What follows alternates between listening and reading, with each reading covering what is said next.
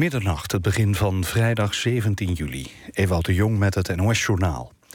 Er zijn nieuwe beelden opgedoken van de rampplek van vlucht MH17. Ze zijn vlak na de crash gemaakt.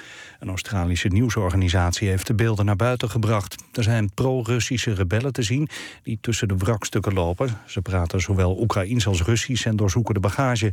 De rebellen lijken verbaasd dat er een passagierstoestel is neergehaald. De beelden zijn volgens News Corp Australia gemaakt door de rebellen zelf. Het oorspronkelijke filmpje duurt 17 minuten en zou uit Donetsk zijn gesmokkeld. Door wie en wanneer is onduidelijk.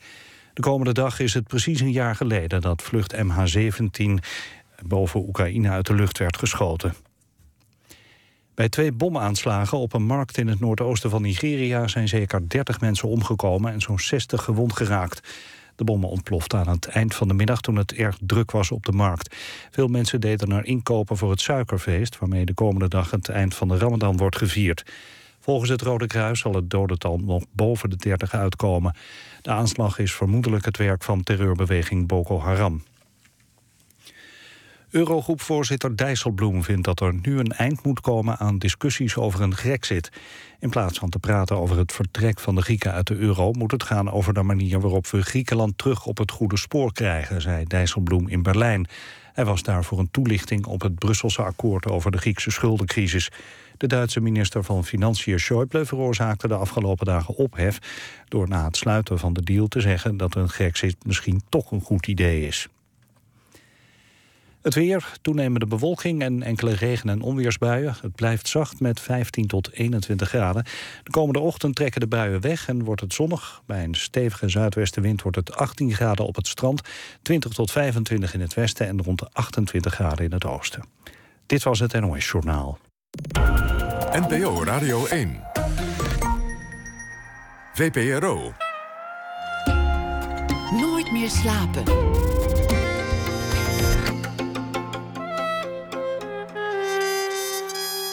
Met Esther Naomi Perquin. Goedenacht en welkom bij Nooit meer slapen. Het is zo'n klassieker die je gelezen moet hebben op zoek naar de verloren tijd. De zevendelige romancyclus van Marcel Proust. Maar wie begint er nog aan al die duizenden pagina's? Straks na één uur gaan we op zoek naar de Proust-snop. En in de serie Ongesigneerd brengen we de opmerkelijke verhalen achter onopvallend design in het straatbeeld.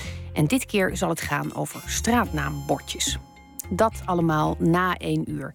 Tot die tijd ga ik in gesprek met meester patissier Kees Holtkamp. Hij werd geboren in 1942 te Schipluiden. Een telg in een bakkersgeslacht. De bloem en de boter zaten hem zogezegd in het bloed. Maar volgzaam meegaan in de traditie was niet de reden dat hij ook daadwerkelijk banketbakker wilde worden. Dat was de zoektocht naar perfectie. Alles kan altijd nog net iets beter. Kees Holtkamp is daar even fanatiek in als vrolijk onder. Met toewijding, plezier en koppigheid bouwde hij in de loop der tijd aan zijn imperium. En samen met echtgenote Petra zorgde hij ervoor dat alleen de naam Holtkamp menigeen het water in de mond doet lopen. De fameuze garnalenkroketten, de citroentaart, de tarte tatin... en dan hebben we het nog niet gehad over de amandelkrullen, de Wellingtons... en de 18 handgemaakte bonbons, allemaal met hun eigen smaak, karakter en naam. En zelfs nu de meester officieel met pensioen is, blijft hij de blijde boodschap verkondigen dat het eigenlijk niet zo ingewikkeld is om lekkere dingen te maken. Dat het eigenlijk alleen maar een beetje liefde, tijd en aandacht vraagt. En natuurlijk ook dat niet aflatende verlangen naar het volmaakte resultaat.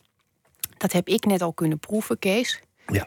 Want jij kwam hier en het is helaas uitgelekt. Ik zag allerlei mensen hongerig langslopen net. Jij kwam hier met uh, heerlijke dozen vol gebak uh... Ja, even iets laten proeven natuurlijk. Ja, ja dan weten we waar we het over gaan hebben. ja, dat uh, bakkersgeslacht, dat intrigeert mij uh, verschrikkelijk. Want je, dat is een, een, een groot gezin. Groot gezin. Ik begin he heel eventjes. Uh, mijn, onze stamvader, de, de, de, degene die begonnen is... dat was een Duitse emigrant uit Westfalen. Uh, in de Franse tijd kwam hij naar Nederland. En met name streek hij in ons dorpje neer. En hij werd bakkersknecht. In 1855 begon hij een winkel. En nu zit daar de vijfde generatie in, een neef van mij. En dat gaat fantastisch allemaal. Nog allemaal in Schipluiden. Wij hadden een gezin. Ik, kom, ik ben de oudste uit een echt groot Rooms gezin van twaalf kinderen. Vier meisjes, acht jongens. Die acht jongens, die werden allemaal bakker. Twee eh, zijn er afgehaakt. Eén is een hele goede pianostemmer geworden. Eén is antiquair, maar die twee heren... die konden niet zo goed vroeg opstaan. Uiteindelijk is de antiquair nu toch, omdat het antiek niet zo heftig loopt, weer een theetuin begonnen. Dus die zit toch weer. Uh, is die met eten bezig met zijn dochter, dus uh, schoonzoon. Dus die is ook eigenlijk weer teruggekeerd in het nest. En ik ben de oudste. En uh, dan is dat, was dat zeker in die tijd de bedoeling dat je dan de zaak overnam van je vader.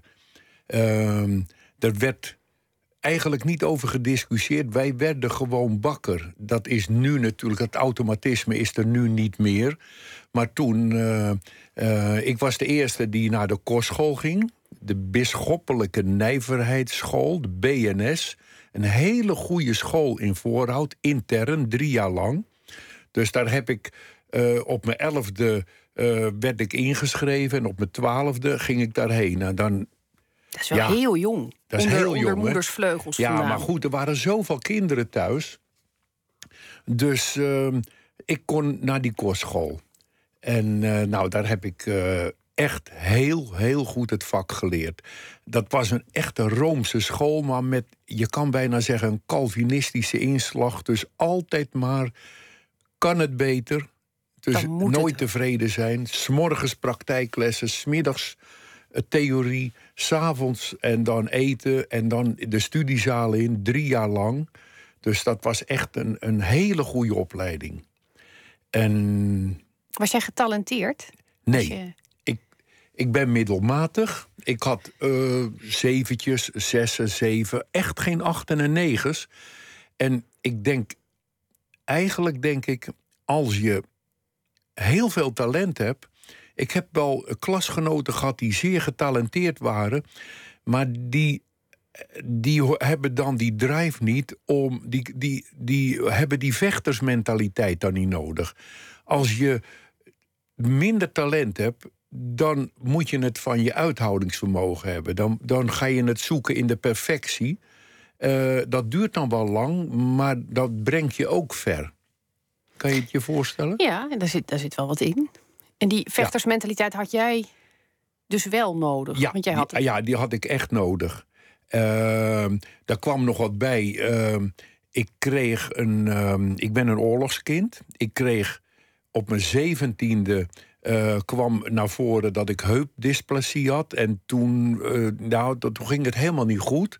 Uh, toen lag mijn toekomst ja, lag wel in duigen eigenlijk. Want ik wilde toch echt dat vak uitoefenen. Ik had die school goed afgerond. En toen kwam ik uh, in het medische circuit terecht. En dat heeft meer dan drie jaar geduurd. En dat liep gewoon dat liep niet zo goed af. Want wat voor klachten geeft dat? Nou, dat pijn? Uh, de, de, de, je heup glijdt langzaam uit de kom. Kinderen, baby's die, waar dat nu ge, ge, ja, gesignaleerd worden, op, die ja. krijgen een gips. Uh, pak Broekje. aan, broek aan, een half jaar. En dan zijn ze er vanaf. Dat was in de oorlog natuurlijk niet. Nee. Dus op op mijn 17, 18e kwam dat uh, aan het licht. En dus toen kon ik eigenlijk dat vak niet uitoefenen. Want je moest veel liggen en zitten. Ja, en, en staan was er helemaal niet bij. Maar goed, uh, ik, wou, ik wou toch niks anders. En, en uh, de ene chirurg naar de ander zei van je moet echt wat anders doen. Nou goed, ik, ben, ik was toch eigenwijs. Ik vond daar in Delft, ik schipluide, vond ik een fysiotherapeut die mij wilde helpen. Want nu heb je overal fysiotherapeuten. Toen waren ze heel dun gezaaid. En die hielp mij weer bewegen. Dus dat ik toch een beetje uh, flexibel werd. En toen zag ik mijn kans schoon. Uh, er waren nog broers thuis. En de broer die op mij opvolgde, die nam de zaak van mijn vader over. Een andere broer streek neer in Maasluis. En um, ja, dat is een heel leuk stadje. Alle bakkers vlogen uit. Ja, ja, ja. Maar ja, ze, vlo nou, ze vliegen. Ze zitten allemaal nog daar in de streek. Ik ben naar Amsterdam gegaan. dat, dan moet ik even uitleggen waarom die liefde voor Amsterdam ontstaan is. Ik, ik had het al over de kostschool, hè, de, het internaat. En wij gingen natuurlijk uh, naar de stille omgang. Voor wie katholiek is, die weet wat de stille omgang is. Dat is een processie die vindt half maart plaats, s'nachts in Amsterdam. Want er is ooit in 1345 een mirakel gebeurd, een wonder. En uh, Amsterdam werd een pelgrimstad, maar met de reformatie uh, werd dat natuurlijk verboden, die processie. Eind 19e eeuw werd dat ingesteld van wij gaan gewoon s'nachts stil uh, de, route, de middeleeuwse route lopen. Uh, en dat kan niemand verbieden. En dat nam enorm vorm aan. En vooral in de vijftiger jaren waren er meer dan 100.000 mensen, mannen, die daar s'nachts rondliepen. Waaronder 300 jongens uit voorhoud van de BNS. En die magie van die stad. Ja, kijk, even kijken. 455. De stad was verveloos. Het oorlog, crisis, schraal. Maar hij is natuurlijk niet kapot te krijgen. Dus het straalde zo'n schoonheid uit. He, dus aan de grachten we, waar we liepen. Ik was, ik was sprakeloos en dan was ik 13 jaar. En, toen echt een uh, toen, echte klassieke verliefdheid op ja, Amsterdam. Echt. Ik, nou, ik uh, kwam in Delft te werken bij een banketbakker. En als ik een dag vrij had, en niet elke keer natuurlijk, dan nam ik de trein naar Amsterdam. Het is bijna niet normaal. Maar uh, mijn grote interesses naast het vak is ook architectuur. Dus ik kocht bij de slechte in Den Haag kleine handzame boekjes over architectuur. Die, uh, die stonden daar in het antiquariaat, die over Amsterdam gingen. En zo wandelde ik daar uh, nou ja, eigenlijk niet normaal als je 16, 17 jaar bent. Het ging ook niet makkelijk, dat wandelen, want dat probleem dat, dat dook op. Maar ik ging toch. En nou goed, toen ik een aantal jaar in Delft gewerkt heb, en ook bij mijn vader. En natuurlijk tussentijds uit de running geweest was, kon ik op een gegeven moment, ik was 1,22, 22, um, toen kon ik naar, de, naar Amsterdam. Je heup was weer zo ik ver kon, op orde. Nou, je moet weten, ik ging in, in 64 kwam ik aan. En er was een ongelofelijke behoefte aan uh, ambachts, uh, aan vakmensen. Dus ik ging solliciteren op de, uh, op de Van Balenstraat bij de firma School. Bij familie Olijven. En daar heb ik trouwens kroketten leren maken. Nou, ik solliciteerde daar. En ik liep, zoals dat toen heette, mank. Ja, het, het zag er niet goed uit hoor. Maar nou, ik had een goed gesprek. En uh, meneer Olijven die zei, Wim Olijven zei... je hoort nog van me. Ik denk, nou ja. Maar goed, een week later belde die van kom maar... want ik was de enigste, uh, de enigste man, die, de jongen die langs geweest was. Er was gewoon zo'n vraag naar vakmensen. Dus ik kon daar aan de gang. Uh, dat, heeft, heeft wel één, twee jaar geduurd om die Amst Amsterdamse mentaliteit te leren kennen. Want ik werkte bij mijn vader de laatste twee jaar. En ja, als je daar dan. dan hoef je, je hoeft geen chef te spelen, maar je werkt met je collega's, met anderen. En dan verdeel je het werk onder elkaar en iemand neemt de verantwoording. Dus ik had vanuit dat dorp een beetje het idee dat ga ik in Amsterdam ook doen. Maar ja, zo'n Amsterdammer die, de eerste zin die die uitspreekt is van doe dat zelf maar. Dus als je denkt dat je chef kan... Ja, dat was een hele harde leerschool. Maar uh, daar heb ik vijf jaar gewerkt. En uh, daar heb ik echt heel veel geleerd. Natuurlijk, ik had niet gelijk een winkeltje kunnen beginnen in Amsterdam hoor. Dat, uh, dat, dat had het fout gegaan. Dus ik heb echt de mentaliteit van die stad leren kennen. Uh, er werden daar elke dag kroketten gemaakt, wat ik, wat ik al zei. Daar heb ik het leren maken en dat vond ik al gek. Later... Kun, je, kun je nog de eerste kroket herinneren die je at? Of was je, daar, was je, was ja, je toen maar heel ik, jong? bij, ik at natuurlijk wel kroketten. Maar uh, het fenomeen dat een banketbakker uh, kroketten maakt, dat is Amsterdams. Maar dat is een uitzending apart eigenlijk. ja. Maar goed, ik heb, ik heb daar vijf jaar gewerkt. En ik vertelde je al, de familie uh, van overgrootvader, grootvader, vader.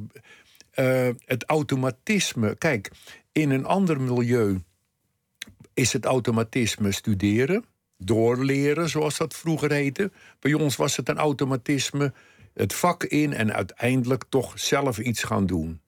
Dus dat was helemaal niet zo'n heldhaftige stap dat ik in 68 uh, uh, rond ging kijken om van is er ergens een zaak te kopen. Er waren toen veel papa en mama zaken, zoals dat heette, man-vrouw. Uh, dat was dat tijdperk en die, die, die, ja, die hadden geen toekomstperspectief. Ik moet nog even. Mag ik even teruggaan? Want ik zit mezelf in te halen. Natuurlijk mag je terug. Uh, ik kwam in Amsterdam aan natuurlijk. Uh, bij een gezin in Amsterdam West. En het is geen spannend verhaal, want ik. Uh, en ik kwam daar op kamers te wonen. En ehm, de dochter, de oudste dochter van de, de hospita, Petra, dat werd pas na twee jaar hoor. Dus uh, dat ging allemaal niet zo snel. Je had er natuurlijk gewoon kunnen veroveren met een fantastische ja, taart. Ja, maar je hebt mensen, Esther, die, ga, die zitten in een café en die, uh, en die maken gelijk contact. En, uh, maar ja, dat, dat, moet je, dat, dat had ik toen in ieder geval helemaal niet in huis. Dus dat groeide langzaam. Uh, Petra, die verpleegster was, die ging toen bij een banketbakker werken in de Tea Room, een hele chique in de Leidse straat. Daar leerde ze gastvrouw te zijn. Nou, daar thuis was het een hele gezellige boel. Dus Petra is een ideale gastvrouw. Nou, wij samen zoeken naar een zaak. En uh, we, er waren er wel tien in Amsterdam West. Uh, uh, op de Vrijheidslaan in Zuid, in Oost, bij de Amstelveense weg. Kortom, overal. Maar er was ook een zaakje op de Vijzelgracht. En dat was in de oude stad zelf. Daar gaan we het straks over hebben. Ja, okay. Want het is een bijzonder pand. En uh, daar zitten volgens mij ook hele mooie verhalen aan vast. Ja. Uh, we gaan even muziek draaien van singer-songwriter Rachel Sermani. En zij is afkomstig uit de Schotse hooglanden en ze maakt hele ingetogen folkliedjes. En van haar nieuwe album Tied to the Moon is dit Banks Are Broken. At the kiss of the tide, won't you lay by my side? Feel it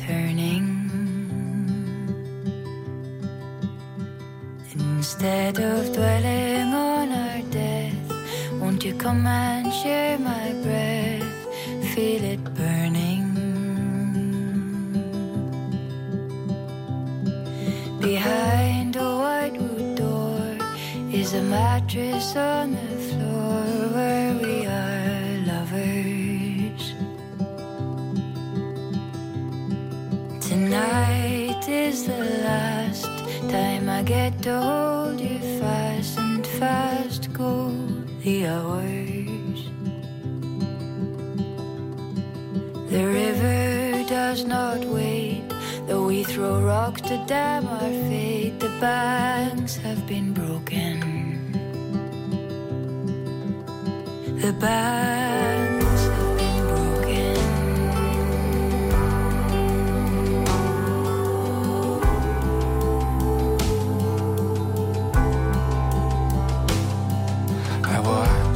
side.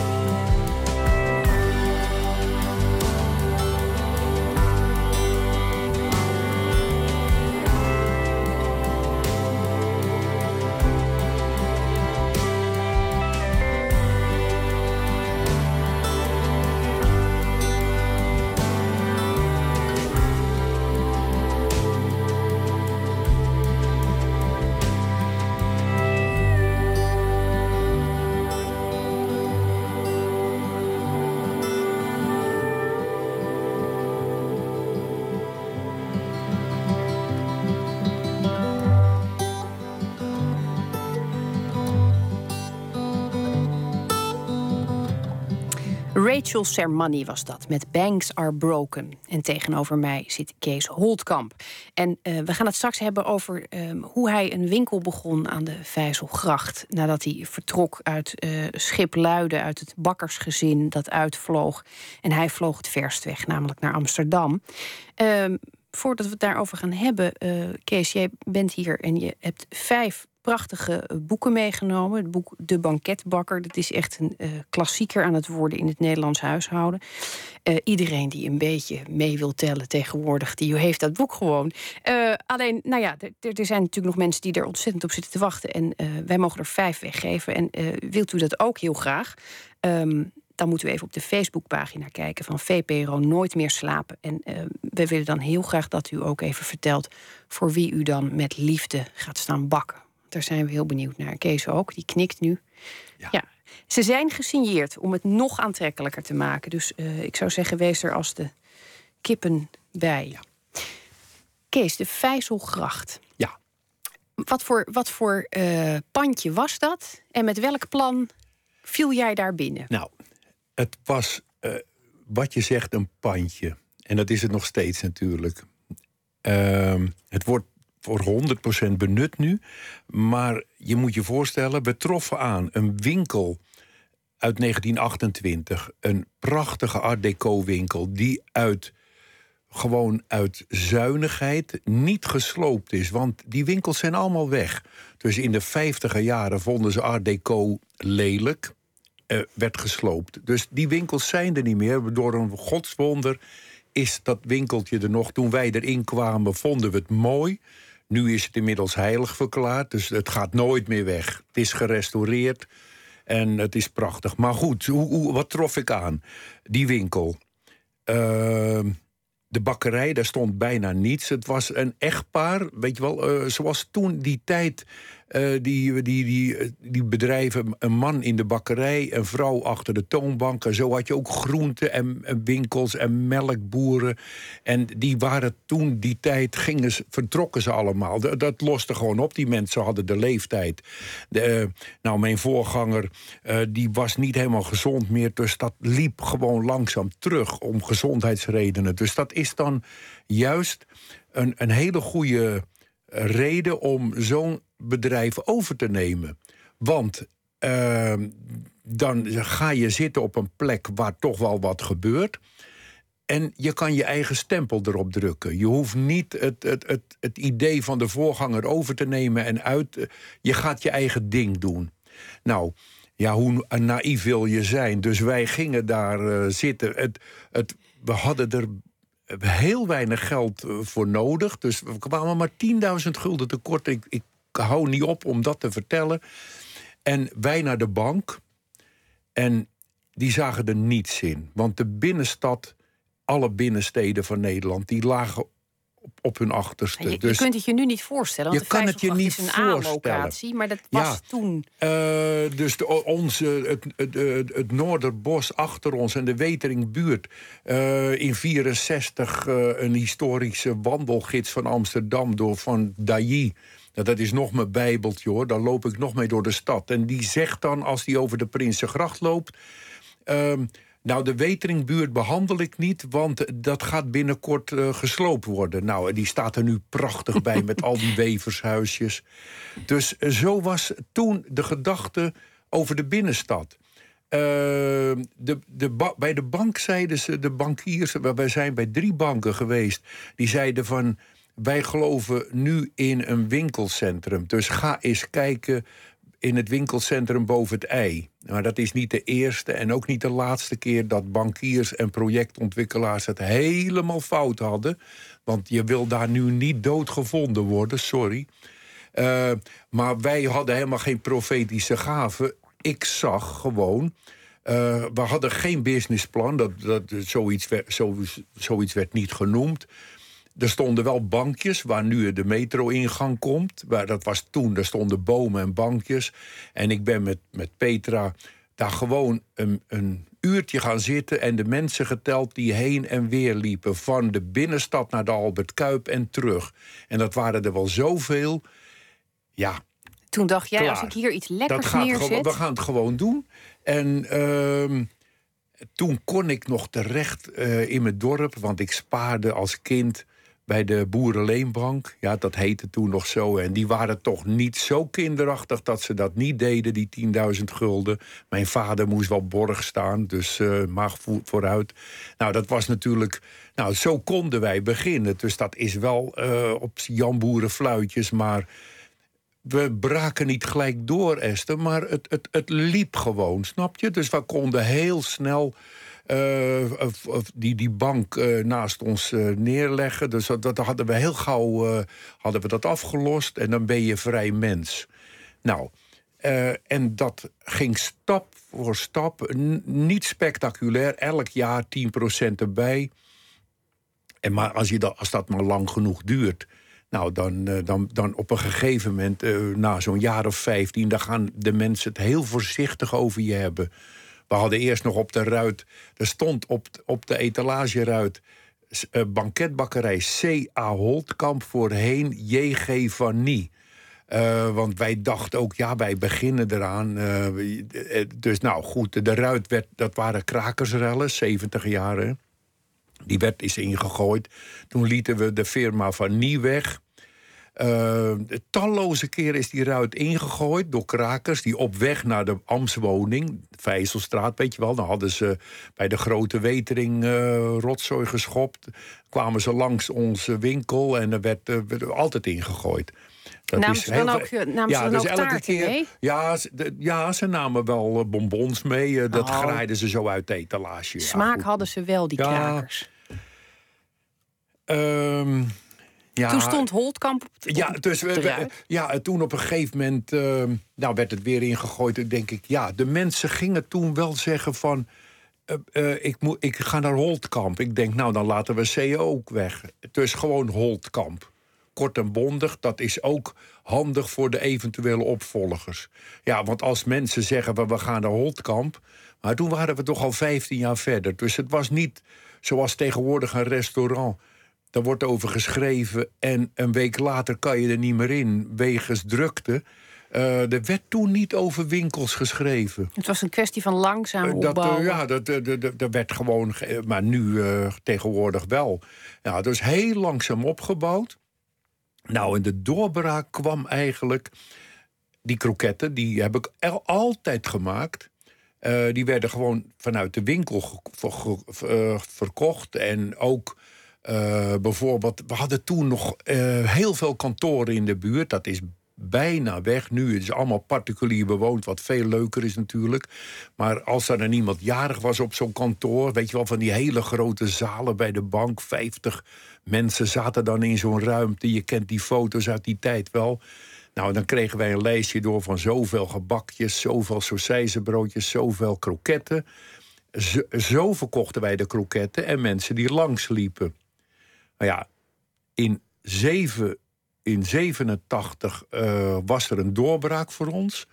Toen begon er op de plek van het eh, Duits verkeersbureau op het Spui begon Luxembourg. Dat was het eerste Grand Café van Nederland. En die eigenaar, Jan Hoekstra, die kwam in de bakkerij. Ik zat toch in een heel klein bakkerijtje. Dus het moest allemaal nog groter worden. We hadden de buurpand er nog niet bij. Die, die zegt, wil jij kroketten voor mij bakken? Voor, voor de lunchkaart. Maar eh, ja, dus ik bedoel, eh, we hadden weinig ruimte om dat te realiseren. Dus we zeiden, nou sorry. Hij kwam nog een keer, twee keer nee gezegd. Toen kwam hij nog een keer. En toen moest hij mij beloven dat het er niet meer als 100 in de week zouden worden. Dat is natuurlijk een krankzinnige afspraak... waar helemaal niets van terechtgekomen is. Eh, Daar moesten we later nog heel veel om lachen. Toen kwamen onze kroketten daar op de lunchkaart terecht. En dat was een doorbraak voor ons en voor hun ook. Want die kroketten die waren natuurlijk in de vijftiger jaren... iedere lunchroom, Esther, die maakte zelf zijn kroketten. Weet je wel, een kopje thee in Den Haag had je voor Moza... had je ook op het Spui in Amsterdam. Een kopje thee, een huzarensalade... eh, een kroketje, een pastijtje. Nou, dat fenomeen verdween. Dat werden eh, snackbars.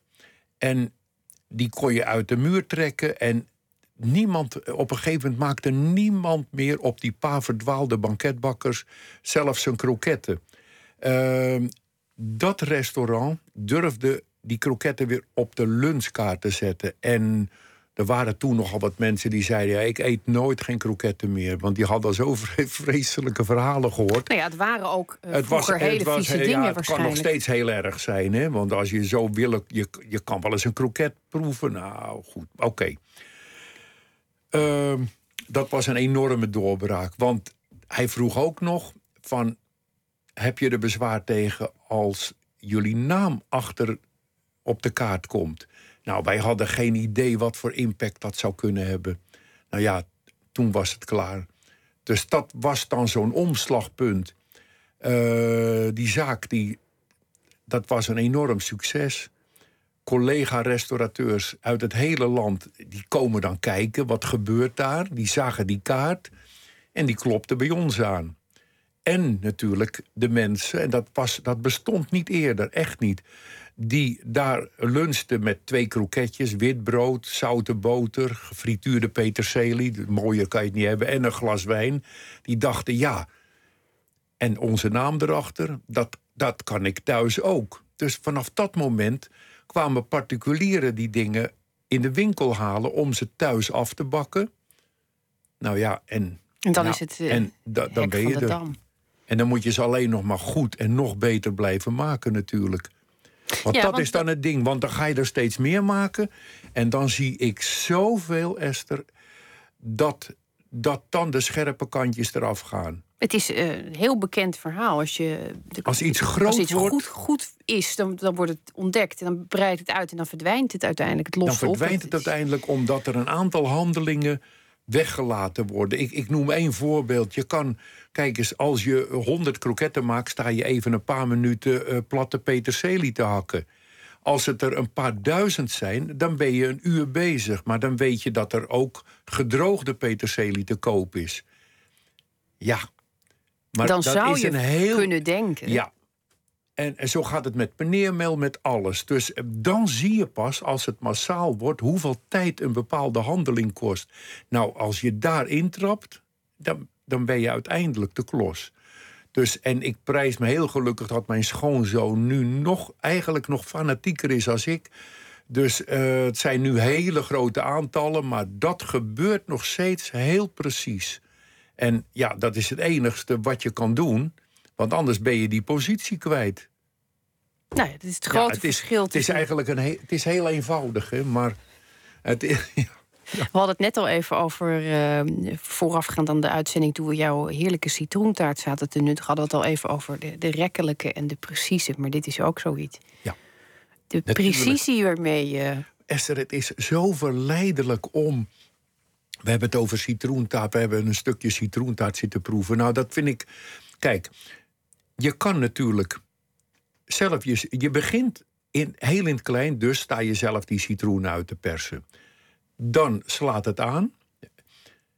En dan krijg je het moment dat je denkt: Nou, eh, hier moet iemand een halve dag citroenen staan persen. Eh, dan, dan, dan bestel je het een keer, hè? Vers citroensap, maar machinaal geperst. Maar zo klein, zo, eh, zo, zo klein zijn de verschillen. Het verschil tussen vers geperst met de hand, hè? Of eh, een machine die je doet, die machine die pakt dat wit er een beetje bij. Dus dat heeft iets bitters. Het verschil is echt te proeven. Nou, je proeft het wel. En nu hebben wij, eh, vind ik fijn om dat even te zeggen. Ik zit al lang niet meer in de zaak, maar ik ga s'morgens, dan drink ik even een kop koffie en zeg niet veel omdat iedereen druk is. Maar onze Jo, inmiddels eh, ja, net zo oud als ik, eh, in de zeventig. En die komt s'morgens eh frambozentaarten opleggen. Dus de framboosjes heel mooi op taarten leggen en citroenen persen. En dan is er gezellig onder de mensen en wij vinden het ook fijn. Ik zeg wij, maar ik zit er niet meer in, maar ik zie het natuurlijk. En eh, die doet dat met plezier. En ja, ja, zo is iedereen blij. Maar dus het, het gaat tot op de dag van vandaag eh, blijven principes, ja, dat, is, dat, dat, moet, dat moet heel erg aanwezig zijn. Want het is toch zo verleidelijk, hè? om, om een makkelijker weg te kiezen. Nou ja, er komt Ja. iemand langs die zegt... eh, meneer Holtkamp, die kroketten doen het hartstikke leuk. Hier is een enorme zak geld. Ehm, mogen wij dat niet eh, voor u overnemen? En Natuurlijk, dan, dat is natuurlijk Heb gebeurd. je een ontzettend leuk leven daarna... en hoeft u nergens meer naar om te kijken. Nee, En die keuze heb je niet gemaakt. nee. Wij hebben het niet gedaan. Het is ons zeker gevraagd. En we mochten zelf die check invullen. Nou, dat soort dingen. Nou, wij woonden toen nog boven de zaak. En ik, ik weet nog goed dat die meneer zei van... eh, ja, maar dan kan je... Kijk, je, je wilt... Dan kan je in het gooi gaan wonen. Hij zegt, want je wilt, toch niet, je wilt toch niet zeggen dat je hier boven de zaak blijft wonen? Ja, dat willen we nou juist wel. Ja, dat was een cruciale onderhandelingsfout Ja, van hem. Een hele grote fout, want we wonen er nog steeds. Ja. En met heel veel plezier.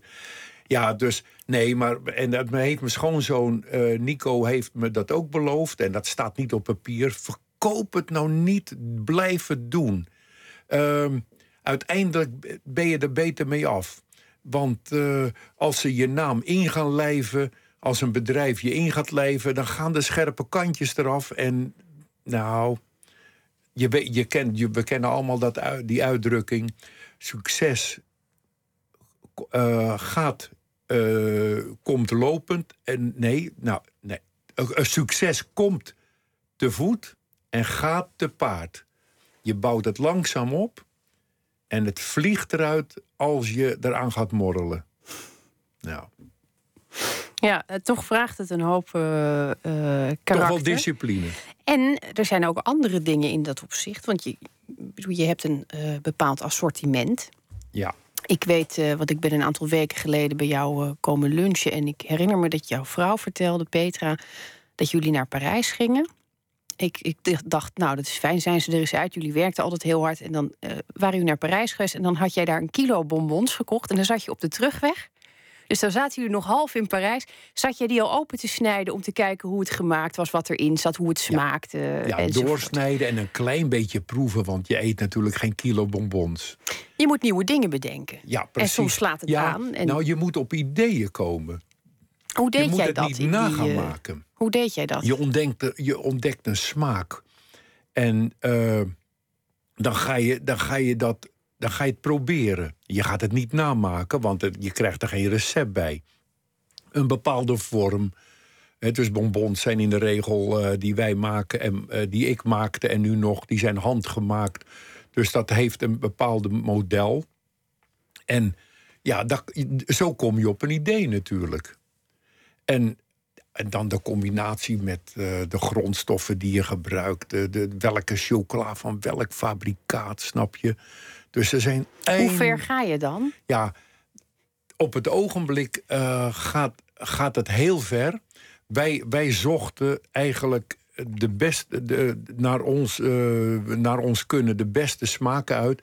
Tegenwoordig heb je chocolatiers, vooral in Parijs en ook in België, die zelf hun chocola maken. En die ook zeggen uit welk land de cacao komt.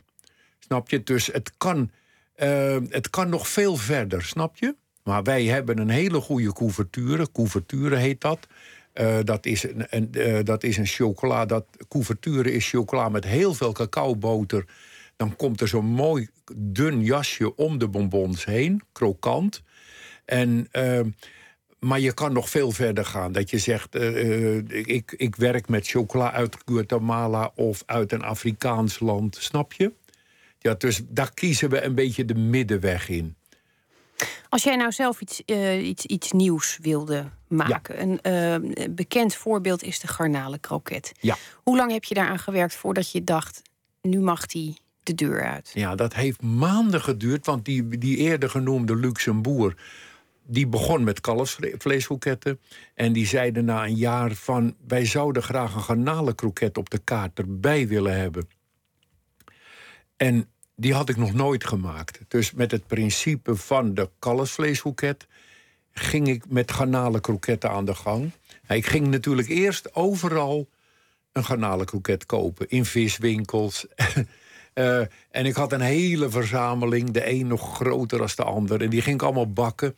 Het viel mij dus om te beginnen op dat er nergens grijze garnalen in zaten. ja, wij zeggen Hollandse garnalen, maar ik gebruik maar even de Belgische term.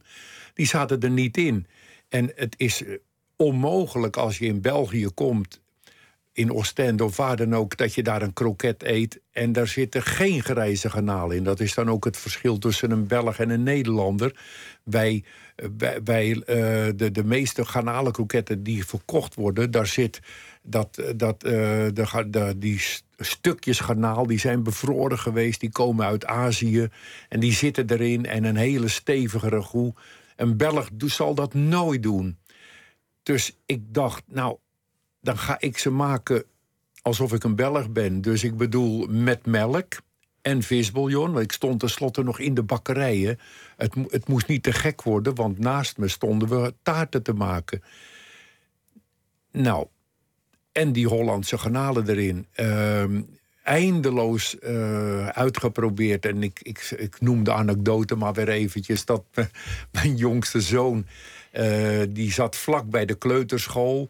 bij de Walkartschool in de Nieuwe Looienstraat. Dat is, dat is 50 meter lopen, maar er waren kinderen die woonden in de pijp... en die, die aten hun brood bij ons eh, in huis op... En dan had ik weer, dan had ik kroketten. En op een gegeven moment, Casper is dat, die, en die zegt, die durft op een gegeven moment geen vriendjes meer mee naar huis te nemen, want van, ja, weer kroketten. Hij schaamde zich ervoor, dus hij had op een gegeven moment van, ja, ik kom wel met klasgenoten, alleen als er geen kroketten gegeten hoeven worden. Dus zo eh, ver ging het, want wij gingen tot, tot, tot op het gaatje in huis. Zo van, en nu kunnen ze eruit. En dat, dat zie ik nu bij, me, bij, me, bij Nico, die nu eindeloos aan het experimenteren is met Iberico-kroketten, Spaanse kroketjes. Nou, voordat je dat onder de knie hebt en dat ze de winkels in kunnen. Ja, en eh, dus eh, het gaat, dat gaat nog gewoon zo door. Nou, en toen kwamen ze bij Luxemburg op de kaart te staan. En toen kwam er een, eh, was er een visbeurs in de Rai. En ja, wij, ik moest met, met 18 anderen... Ik werd uitgenodigd van wil je meedoen? En ik stond daar met 18 andere koks, geen enkele banketbakker. Die hadden allemaal, die kwamen allemaal met hun garnalen kroketten. En er was zelfs een, een man uit Zeeland. Die zegt, vannacht is de boot... Die is om drie uur kwam de garnalenboot aan. Ik heb die garnalen gepakt, gekookt. We stonden achter de schermen. En ik heb er kroketten van gemaakt. Ik denk, ja, ik kan beter naar huis gaan. Want die dingen, die had die eh, Stel- uit Stellendam. Dat was een, een kok uit Stellendam. Eh, die zijn, de, de, de Stellendamse garnalen zijn lichter van kleur... omdat je daar een zandgrond hebt. Die zijn fantastisch. Maar goed, hij had misschien een iets betere garnaal. Maar goed, mijn kroket was... Ja, die was, die was gewoon iets beter. Ik, die was iets beter van krokantheid. Daar kwam bij dat wij zelf... Ja, ik kom uit die broodbakkersfamilie. Dus het, het, paneermelk komt van de familie uit het dorp. Eh, en dat zit er nog steeds omheen. Eh, tegenwoordig komt er nog een andere bakker bij, omdat we het niet meer, ze redden het niet meer. Maar er gaat klassiek paneermel omheen. En dat was toen al het ding. En dat is een heel belangrijk onderdeel van, van zo'n kroket. Zo'n hele, jij weet het hè, zo'n Ja. heel dun korstje, We mogen proeven zelfs. krokant. Is het, is het je, je noemde net, je was de enige bakker die daar stond. Is het, wat is het grote verschil nou tussen een kok en een banketbakker in de aanpak? Ja, nou, koks. eh, eh, koks zullen niet zo gauw kroketten maken. Want kijk, een banketbakker die weegt alles af van huis uit. Omdat alles wat hij maakt gaat de oven in. En een kok staat natuurlijk een saus te maken op het fornuis. En die kan het tot op het moment dat hij het doorgeeft, kan hij het sturen. Maar wij maken iets en we schuiven het in de oven. En als je het dan niet precies afgewogen hebt, dan gaat het. Ja, je kan het niet terughalen. Constant Vonk, dat is een groot voorbeeld voor mij. Een heel een goede kok, maar ook een hele goede banketbakker die zegt: Wij banketbakkers moeten alles afwegen. Want als het in de oven staat, dan kan het niet meer terug. En een kok kan dat op het laatst sturen. Daarom is, en dat is in ieder geval de Amsterdamse traditie, dat banketbakkers hebben aan de wieg gestaan van de krokettenfabrieken tussen Kwekkenboom, Dobbe, Febo. Dat zijn allemaal bakkers. En eh, ja, het kost ze geen moeite om, om het precies af te wegen. En een kok heeft een hekel aan een weegschaal. Die, wil, die doet liever een handje van dit en een handje van dat. Ik, ik zit op een kookschool. En eh, eh, een aantal mannen die staan het liefst aan het fornuis. En als die dan, we do- hebben een rouleersysteem, als die het dessert moeten doen, dan hebben ze echt straf. Want dan staan ze te pielen met die weegschaal. En het, ze willen gewoon met, dat, met, met een stuk gebraad aan het fornuis, weet je wel, hoge vlammen, saus maken, het grote gebaar. En dat is bij banket niet en bij kroketten ook niet. Dan sta je precies te werken. Het is een. Ja. Ja. ja, je gaat helemaal van glimmen als je het erover hebt. Het is ontzettend fijn om naar te kijken. Ehm, we gaan even luisteren naar muziek. Eh, Jump Swim, dat is een producer uit Londen die een tweetal tracks met de Deense zangeres Nina Lundberg heeft opgenomen. Het is een hele fijne combinatie en ehm, u hoort ze hier samen in Fall Out of Love.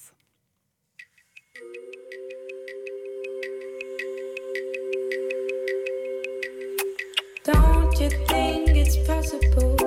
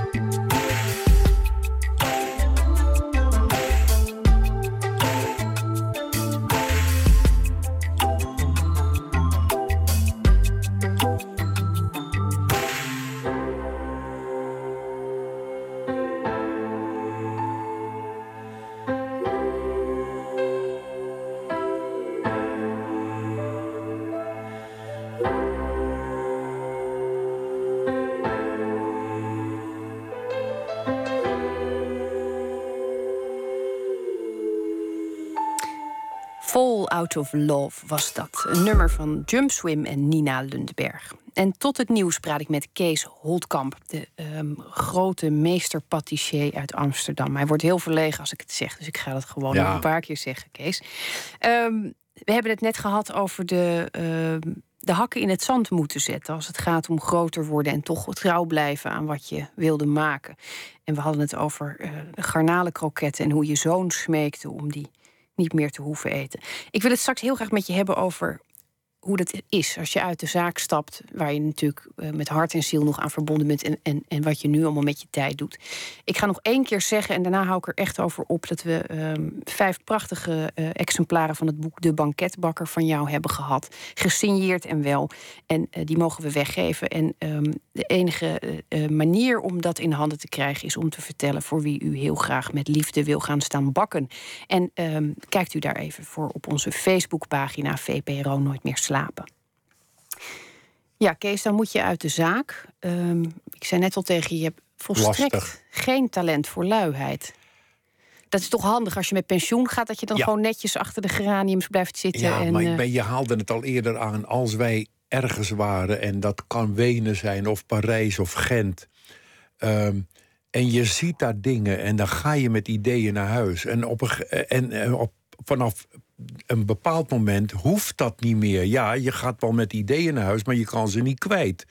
Nou, en daarom is het ongelooflijk leuk dat Jona Freud mij eh, twee, drie jaar nadat ik gestopt ben. eh, ik, ik moet eerst nog even zeggen, ik werd toen gevraagd workshops te geven. Dat heb ik jaren gedaan in de bakkerij, tot het daar gewoon te klein werd.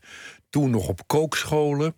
Eh, daar liep ik uiteindelijk ook vast, omdat kookscholen natuurlijk wel 24 gaspitjes hebben en één oven. En mensen die bij mij een lesje krijgen, willen taarten bakken. Dus, dus dat liep vast. En toen ehm, eh, eh, ging, ging ik dat koekjesboek samen met Jona doen. En nou, dat loopt leuk, nog steeds.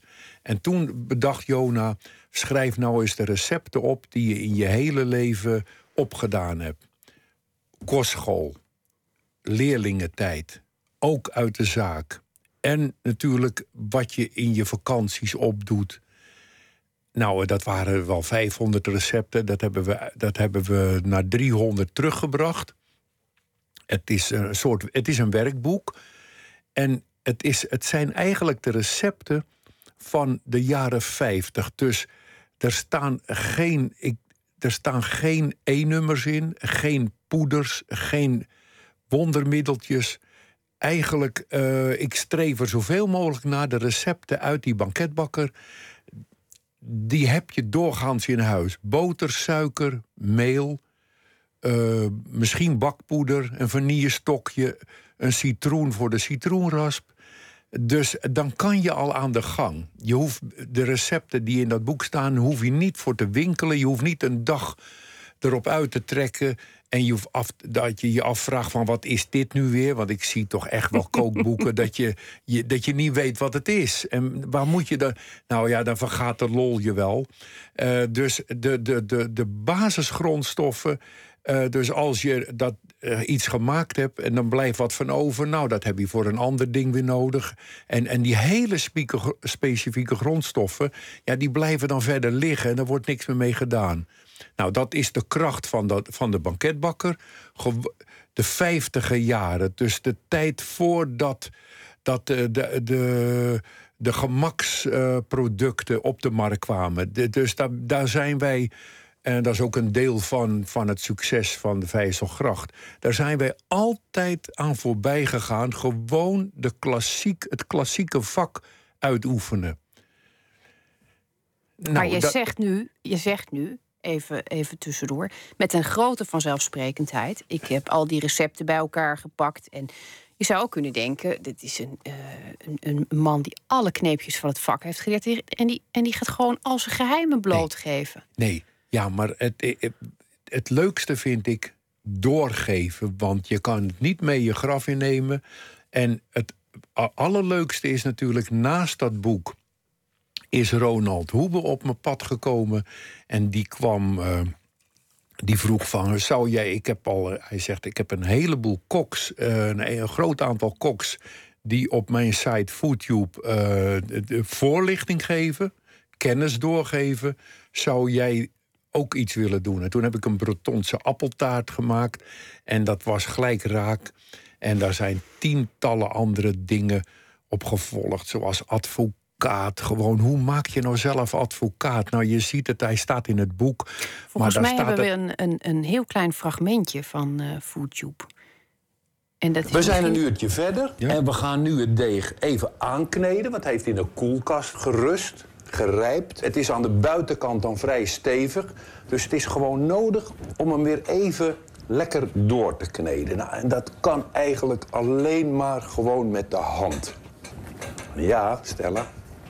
Ik weet dat je het lekker vindt. Zo. Ik heb een heel eenvoudig rolstokje. Dat is gewoon een bezem van blokken die ik in vieren gezaagd heb. Een bezemsteel. Een rolstok met kogellagers gaat natuurlijk veel beter. Maar ik zal laten zien dat dit ook kan. Ja, we horen jou zeggen, eh, ja, Stella, dat is je kleindochter. Ja, Stella, die, die, die gaat over, eh, over een maand gaat ze ook naar de banketbakkerschool. Niet omdat ik... eh, ze wil het zelf. Dus, zij assist, dus je moet je voorstellen, die Bretonse appeltaart, nu al acht jaar geleden. Stella was toen eh, zes. Eh, ik paste op haar, want eh, dat, dat, vond ik een leuke taak hoor. Dus dochter Angela nam de zaak over met Nico. En de kleinkinderen verhuisden naar boven. Wat, wat onze kinderen, die werden weer door mijn schoonouders opgevangen, eh, 40 jaar geleden. Nou, die taak die nam ik heel graag op me.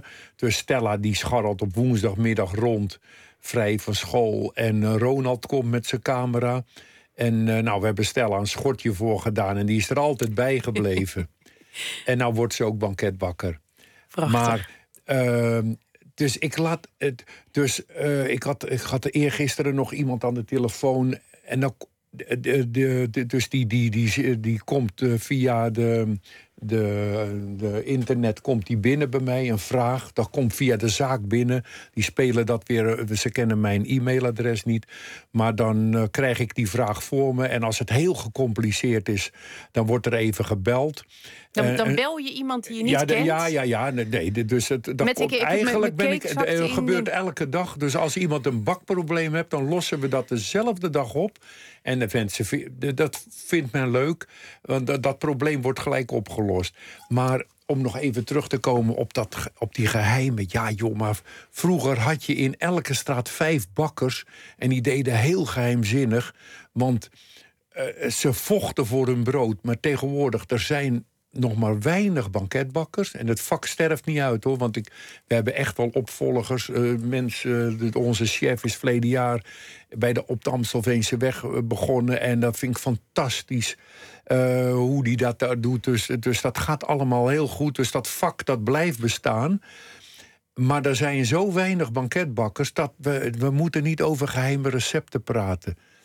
Het vak doorgeven en nou, wat ik al zei, eh, dus als je nou die advocaat in het boek ziet staan en je denkt, ja, dat vind ik nou toch even, hoe moet het nou precies? Dan kijk je even op Foodtube, mijn naam, Foodtube, advocaat. En dan sta ik met Stella die advocaat te maken, filmpje van vijf minuten. Eh, soms, eh, de garnalenkroketten staan er natuurlijk ook op. Die duren een kwartier. En ik krijg talloze reacties van mensen die zeggen... ik maak ze nu zelf. En dan gaan wij toch niet zeggen van... eh, ja, god, dan komen ze ze niet kopen. Dat maakt allemaal niet uit. De mensen krijgen dan inzicht wat ons vak inhoudt. En dat is, dat is mijn missie eigenlijk. Dat het gewoon een mooi beroep is. Heb je zelf ooit heel lang geworsteld met één eh, aspect?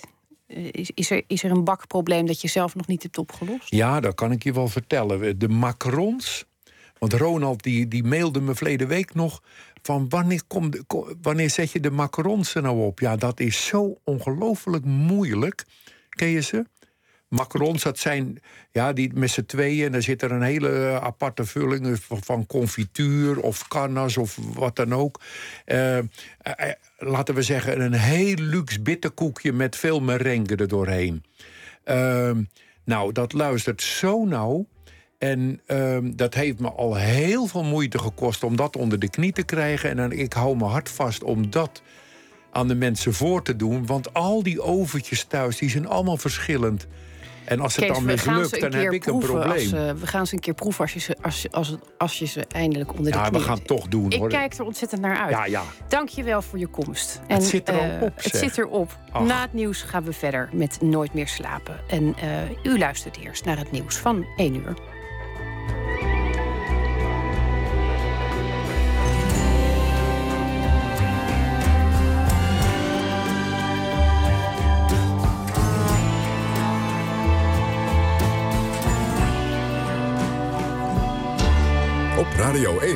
Het nieuws van alle kanten.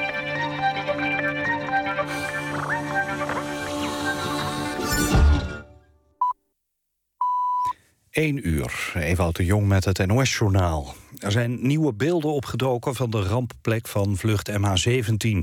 Ze zijn vlak na de crash gemaakt. Een Australische nieuwsorganisatie heeft de beelden naar buiten gebracht. Er zijn pro-Russische rebellen te zien die tussen de wrakstukken lopen. Ze praten zowel Oekraïens als Russisch en doorzoeken de bagage. De rebellen lijken verbaasd dat er een passagierstoestel is neergehaald. De beelden zijn volgens News Corps Australia gemaakt door de rebellen zelf. Het oorspronkelijke filmpje duurt 17 minuten en zou uit Donetsk zijn gesmokkeld. Door wie en wanneer is onduidelijk. Vandaag is het precies een jaar geleden dat vlucht MH17 uit de lucht werd geschoten. Het lukt pensioenfondsen nog niet om uit het dal te klimmen. Het afgelopen kwartaal is het vermogen van veel fondsen verdampt... door onrust op de financiële markten. Voor de financiële positie van de pensioenfondsen... heeft dat nog geen grote gevolgen. De marktrente voor leningen blijft langzaam stijgen... waardoor de fondsen minder geld in kas hoeven hebben... voor toekomstige pensioenuitkeringen. Ook is de actuele dekkingsgraad die weergeeft... hoe gezond een pensioenfonds is... bij de meeste fondsen flink gestegen. Of het de komende maanden beter gaat met de pensioenfondsen... hangt onder meer af van het verloop van de Griekse schuldencrisis. Voor vakantiegangers naar Zuid-Europa wordt het dit weekend druk en warm, zegt de ANWB. Het is overal druk op de weg. Bovendien worden onder meer in Zuidoost-Frankrijk, Oostenrijk en Noord-Italië temperaturen rond 38 graden verwacht. In Zuid-Duitsland is het wegdek hier en daar beschadigd door de hitte en geldt een lagere maximumsnelheid. De ANWB adviseert vakantiegangers in de auto om onderweg extra pauzes in te lassen en genoeg eten en drinken mee te nemen, omdat de reis langer kan duren dan verwacht. Het weer, toenemende bewolking en enkele regen- en onweersbuien. Het blijft zacht met 15 tot 21 graden. De komende ochtend trekken de buien weg en wordt het zonnig. Bij een stevige zuidwestenwind wordt het 18 graden op het strand... 20 tot 25 in het westen en rond 28 graden in het oosten. Dit was het NOS Journaal. NPO Radio 1. VPRO. Nooit meer slapen.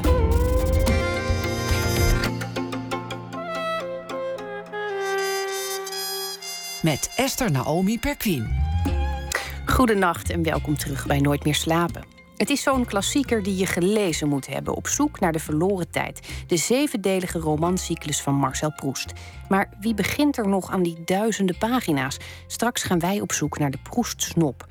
En in de serie Ongesigneerd brengen we het verhaal achter onopvallend design in het straatbeeld. Dit keer zal het gaan over straatnaambordjes. Ze lijken allemaal hetzelfde, blauw met witte letters. Toch zijn er duidelijke verschillen. Maar we beginnen met proza dat reageert op het nieuws van vandaag. En deze week wordt dat verzorgd door de in Zuid-Afrika wonende dichter Alfred Schaffer. Zijn meest recente bundel uit 2014 heet Mens, Dier, Ding. En het is een even vrede, humorvolle als duistere bundel, mag ik wel zeggen. Ehm, Alfred, goedenacht. Goedendag, Esther. Hoe zag, jouw, eh, hoe zag jouw dag eruit? Ja, ik moest wel lachen. Ik ging natuurlijk al even aan de lijn en hoorde eh, eh, de weerberichten in, eh, was het Duitsland geloof ik, dat het zo ontzettend heet is. Het is altijd wat grappig om te horen hoe men in paniek raakt in Europa als, als de zon een beetje schijnt. Ja, daar zijn we heel goed in. En weer alarmen afgaan en alles. Eh, hier is het, eh, is het al een tijdje winter. En ehm, het, het, het, is eigenlijk elke dag een klein beetje in het nieuws in het land. Ehm, maar het is, het, is, het is niet een groot item, want men aanvaardt het al redelijk gelaten. Maar we hebben hier eh, last van loadshedding, zoals ze dat noemen. En ik heb gehoord dat, in België ook, dat het er in België ook aan zit te komen. Dat is dus dat er niet genoeg stroomvoorziening is in het land. Dat er eh, centrales zijn die het begeven. Ik heb gehoord dat dat in België een beetje een probleem zou kunnen worden in de toekomst. Hier is, hebben we daar nu al een tijd mee te maken. Dat kan nog een jaar of twee duren. Van die oude krachtcentrales die eigenlijk eh, te oud zijn om nog het hele land van eh, stroom en elektriciteit te kunnen voorzien. En eh, dus wordt op gezette tijden de stroom uitgezet. Als daar maar geen... eh, 1 en stage 2. En dan, eh, nou ja, dan heb je dus twee uur helemaal niets. Dan kun je dus al voorbereiden. En het maakt natuurlijk zeker s'avonds ook wel knus. Maar voor de economie is het natuurlijk een ramp. En eh, nou ja, goed, dat was vandaag ook weer in het nieuws. Er zijn van die korte aankondigingen. Eh, verwacht vandaag stage 1 loadshedding. Dan kijk je op je schema of jij er in Kaapstad bij zit of niet. En dan zorg je dat je op tijd het eten klaar hebt. Of dat je kaarsen genoeg in huis hebt. En dan heb je eventjes twee uur duisternis. Ja. En ik dacht, laat ik daar eens even iets over, eh, over schrijven. Nou, ik, ik, eh, ik ben heel benieuwd. Vanavond loadshedding, zegt de nieuwslezer. Deze keer tussen 8 en 10, in regio 7 en 13. Dat betekent dat ze haar yogaklas in Greenpoint in het pikken donker gaat houden. Candice blijft nog even in haar Mazdaatje zitten om naar het weerbericht te luisteren. Zes maanden is ze bezig met haar yoga aan huis. Ze rijdt het hele schiereiland rond. Geniet alleen of samen met vrienden van yoga en een vertrouwde omgeving op het tijdstip dat je uitkomt, staat er op haar website. Twee weken geleden heeft ze 15 hoofdlampjes gekocht bij een kampeerwinkel. Zo kan ze haar lessen blijven voortzetten als de stroom wordt uitgezet. In haar eigen buurt is het tijdens de verduisterde avonden nog onveiliger dan normaal. Maar op avonden als deze, als ze in een welgestelde wijk moet zijn, houdt ze er wel van. Deze landelijke stroomonderbrekingen. Het hele land een week of langer zonder stroom, dat zou een nachtmerrie zijn. Maar de nachtmerrie maakt haar rustig. Eenzame autolichten die zich traag door de duisternis boren.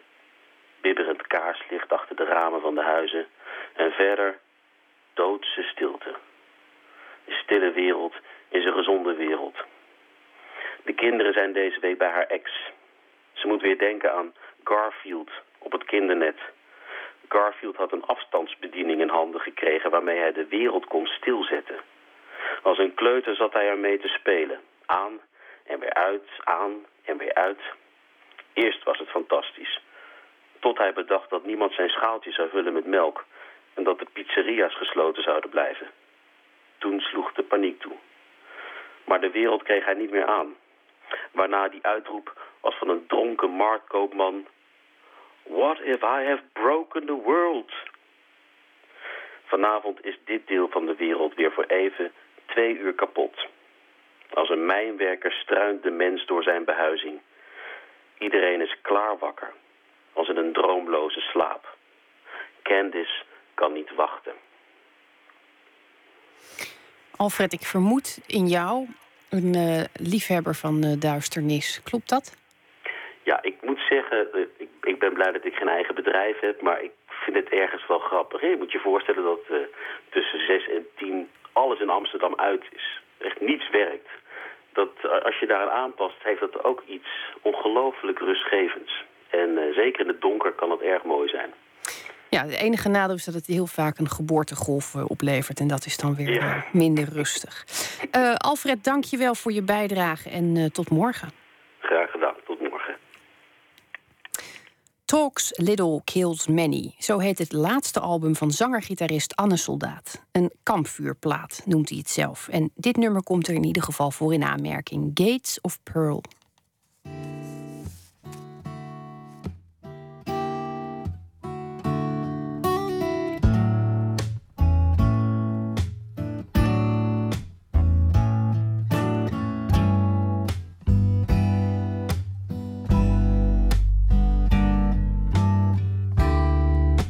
Can wait till she turns her back and walks away.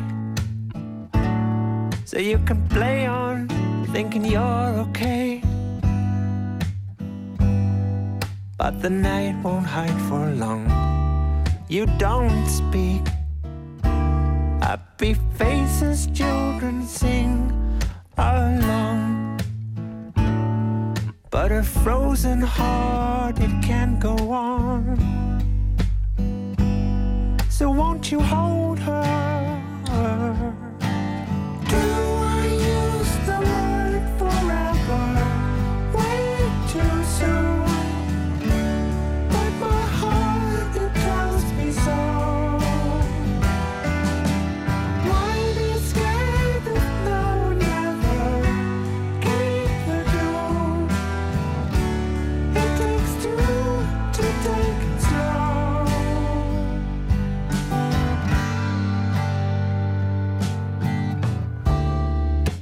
can wait, but a second take will never come. And you'll be out there so all alone, and the fear won't hide for long. You're a freak when she opens up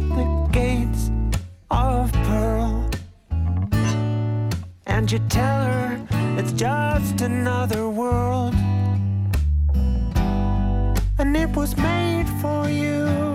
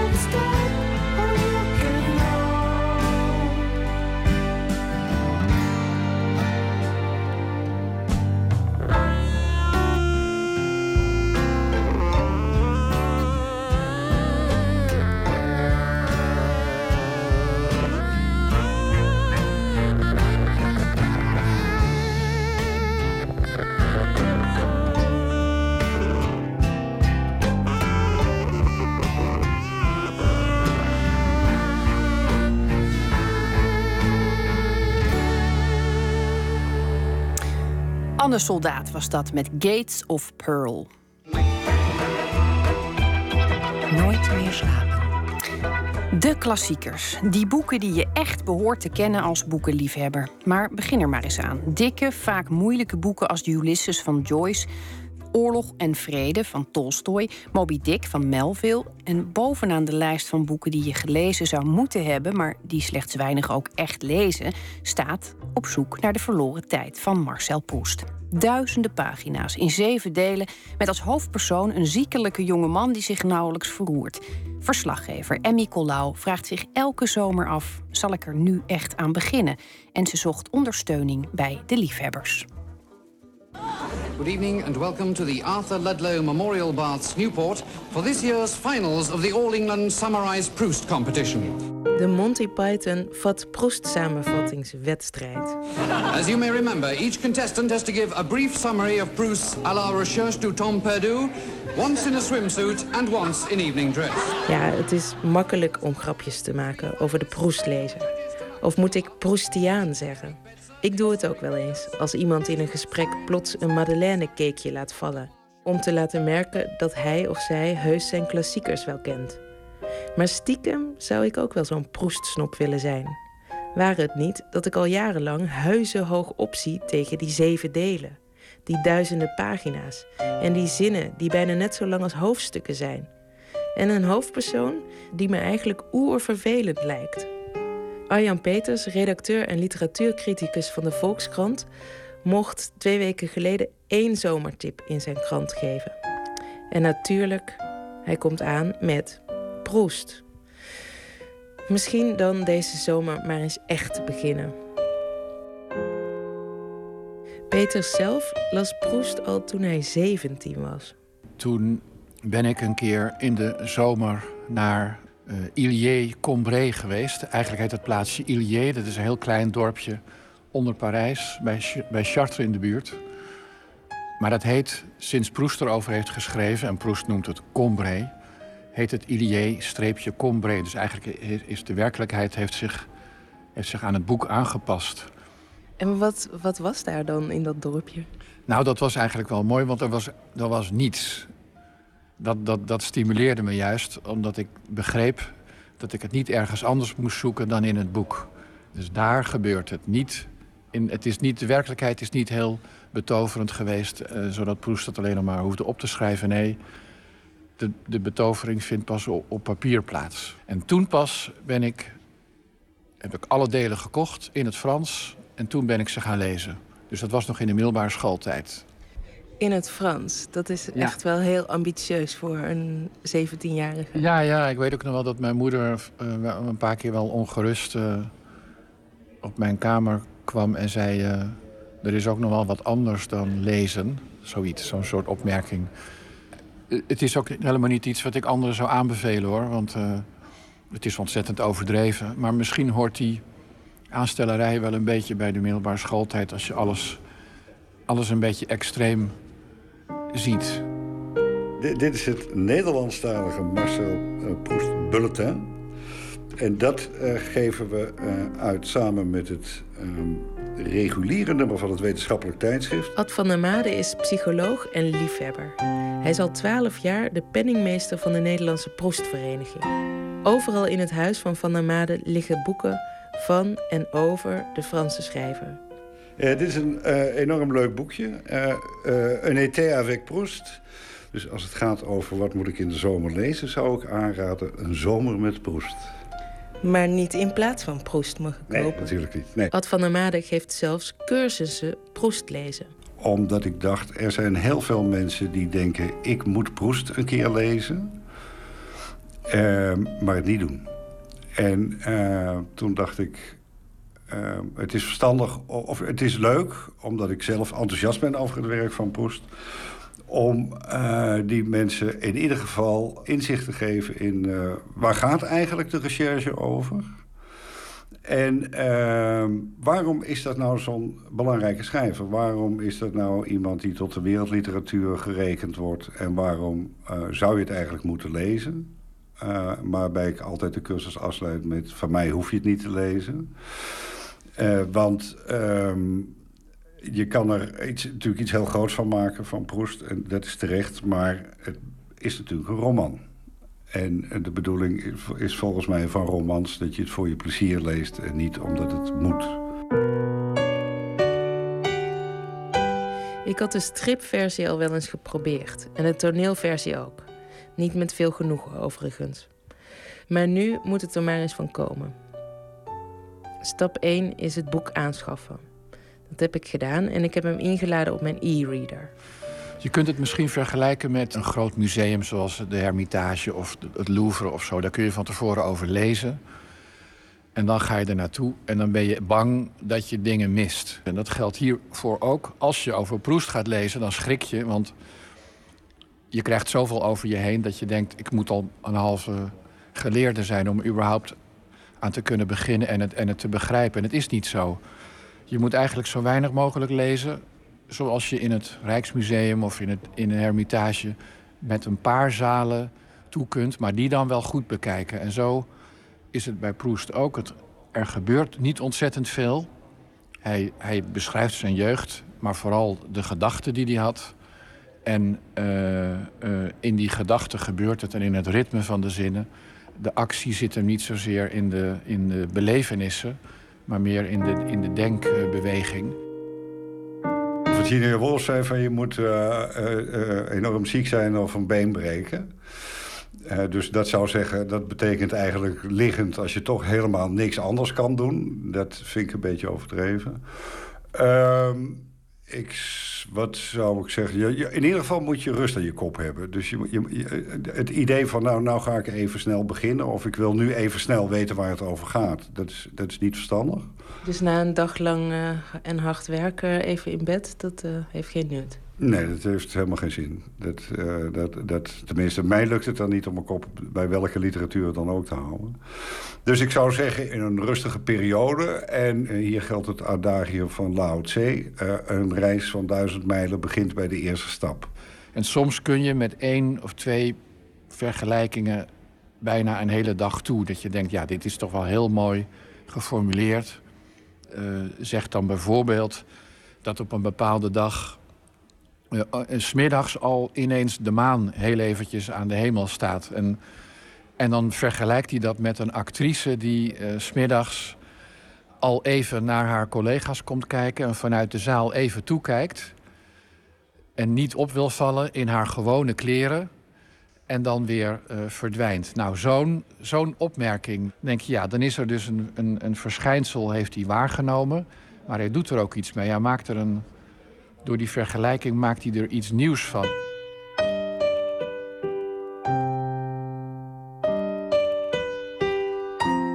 Om het echte lezen nog even uit te stellen, lees ik alvast het nawoord. De vertalers schrijven daarin dat het heel makkelijk is om een proestsnop te worden. Zij gebruiken dat woord proestsnop dus ook. Liefkozend bedoeld, denk ik. Maar hoe? Hoe moet je nou zo'n boek benaderen met een enorme reputatie? Daar komt het op neer. En die reputatie kun je niet wegdenken. En, en die staat er tussenin. En je hebt daar last van. En dan wil je er toch een keertje mee beginnen. Nou, dat zijn allemaal dingen die zich in je hoofd afspelen. Want je kan net zo goed dat boek uit van de bibliotheek of in, in, een boekhandel kopen. En, en binnen een half uur ben je aan het lezen. Dus hoe kan dat dat je geest je zo je zo'n obstakel voorschuift? En waar ben je nou eigenlijk bang voor? Nou, daarover nadenken, dat is nou heel erg Proustiaans. Dus je kan, ja, daar kun je jezelf mee eh, natuurlijk voor de gek houden... dat je eigenlijk heel erg Proustiaans bezig bent... door hem niet te lezen, maar er wel over Ja, na ik te voelde me wel een stuk beter. Ja. Maar dat is dus, dat zijn dingen die, als je die herkent, nou, dit, dit moeten we in elk geval al herkennen, waarvan je denkt, oh, gaat het daarover? Ja, daar gaat het over. Dus je, je moet ook niet beginnen met het idee, eh, wat je bij sommige boeken wel hebt, van nou ja, en dan wil ik tenslotte weten hoe het afloopt. Eh, het is een reis die je maakt, het is een zoektocht, een recherche. En je begint die zoektocht, dan moet je een beetje onvoorbereid beginnen. En, ehm, en dan eh, denk ik dat het wel verstandig is. Zo is het bij mij ook gegaan. Dat ik bijvoorbeeld bij het eerste deel, wat toen. Het, het eerste deel van het eerste deel moet ik zeggen, het boekje Combré.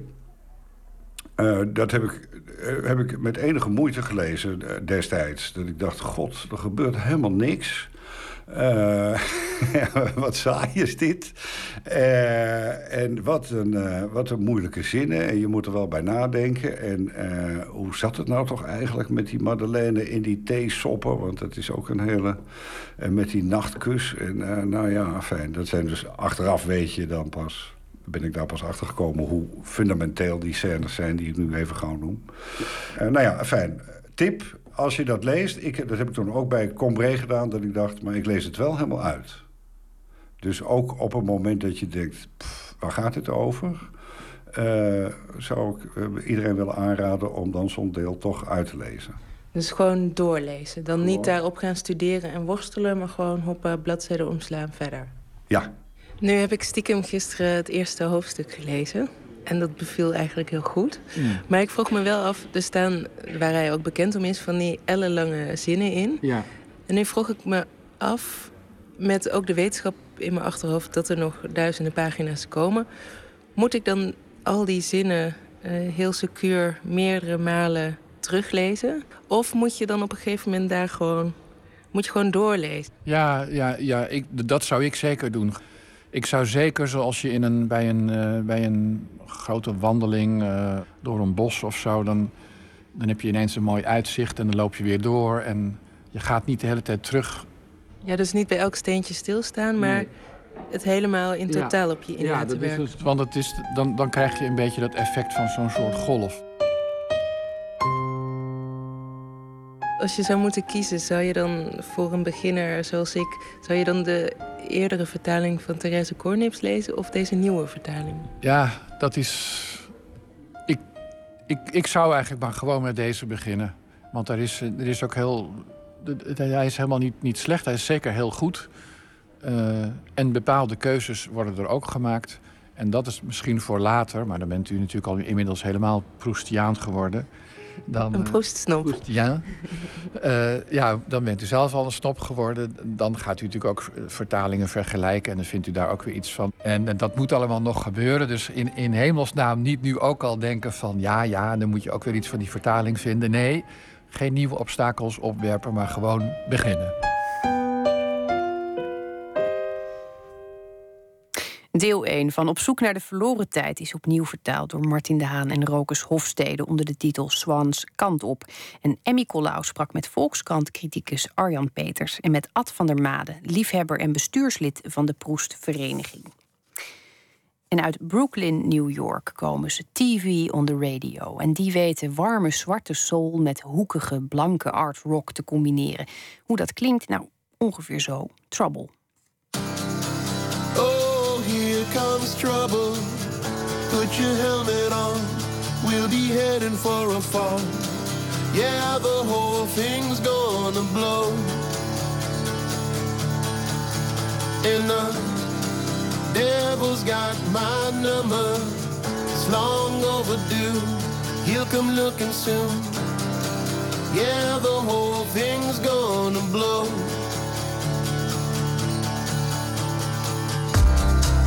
Oh, here comes trouble.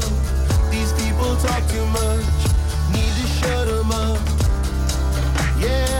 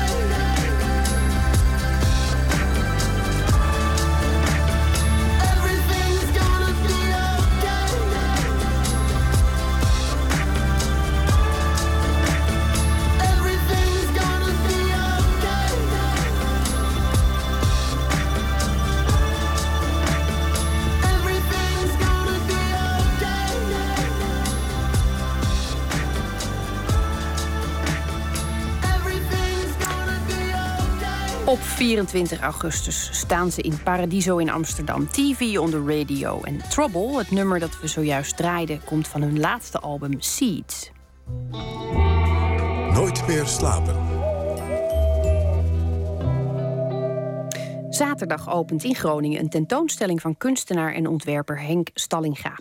De meest prominente installatie die er te zien is, heet Earthquake Monument. Het sluit nauw aan bij de actuele gebeurtenissen in de noordelijke provincie. En onze nachtcorrespondent Botte Jellema weet meer. Botte, goede nacht.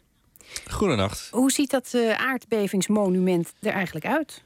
Je moet je dat voorstellen als een eh, grote ton. Een eh, ronde ruimte van zo'n 7 meter in doorsnee. Daar kun je inkomen. En dan sta je eigenlijk in een ruimte met honderden klokjes om je heen. Eh, de wand is wit. eh, De wijzertjes van die klokjes zijn rood. En het meest wonderlijke eh, zijn de wijzerplaten van die klokjes. Want die lijken in het luchtledige te zweven. Die tollen en die wiebelen en die deinen. En dat moet je het gevoel opleveren dat je, ja, wat, wat een aardbeving ook geeft. En, en doet het dat ook? Ja, nou ja, dat, ik, ik heb het zelf nog niet kunnen ervaren door in die ton te staan. Maar ook al had ik dat wel kunnen doen, dan wist ik het nog niet. Want ik heb nog nooit een werkelijke aardbeving meegemaakt. Maar dat het desoriënterend is, dat geloof ik meteen. Want ik bekeek het YouTube-filmpje even dat ervan is gemaakt. En ik had eigenlijk meteen de neiging om mijn bureau vast te houden. Zo van, oh jee, wat gebeurt er allemaal? Het, klokje, dat eh, had Henk Stallinga al eerder een keer gemaakt. Maar hij ontdekte dat als je eh, van die klokjes er heel veel naast elkaar zet dat dat echt inwerkt op je evenwichtsorgaan. En toen heeft hij geprobeerd wat er gebeurt als je er 500 rondom je hebt. Bij hersenen lukt het niet eh, om te kunnen focussen. En op het moment dat dat niet lukt, eh, heb je eigenlijk twee reacties. Of je wil gewoon weg, dat je dat dus niet wilt eh, ervaren. Of dat je het dus aangaat en eigenlijk toegeeft aan het feit dat je eigenlijk gewoon best wel duizelig wordt. Best wel, ja, eigenlijk het fundament, als het ware, onder je voeten weg glijden. Nou ja, hij voelde, eh, vertelde mij dat eh, dat klokje, een, een, klokje in zijn algemeenheid, heeft natuurlijk iets heel huiselijks. Hè? Maar als je er dan meer dan 500 om je heen hebt hangen, die allemaal aan het wiebelen en aan het tollen zijn, dan is het ineens een ja, beetje bedreigende situatie. Het was overigens niet de bedoeling van Stallinga om een aardbeving na te doen. Het is geen simulator van aardbeving. Het enige wat ik eigenlijk probeer met deze installatie... ehm, dat is eigenlijk je, het gevoel van de beving te laten, eh, als het ware, herinneren. Want zeg maar, je hebt natuurlijk bij een aardbeving... wordt heel snel natuurlijk altijd overspoeld met zeg maar, hè, de emotionele lading... van, van wat met mensen natuurlijk allemaal gebeurt... en ook de materiële eh, misère... Eh, waar het eigenlijk altijd in strandt. Maar de beving aan zich is natuurlijk een, blijft natuurlijk een hele ervaring. En daar beroep ik me eigenlijk op.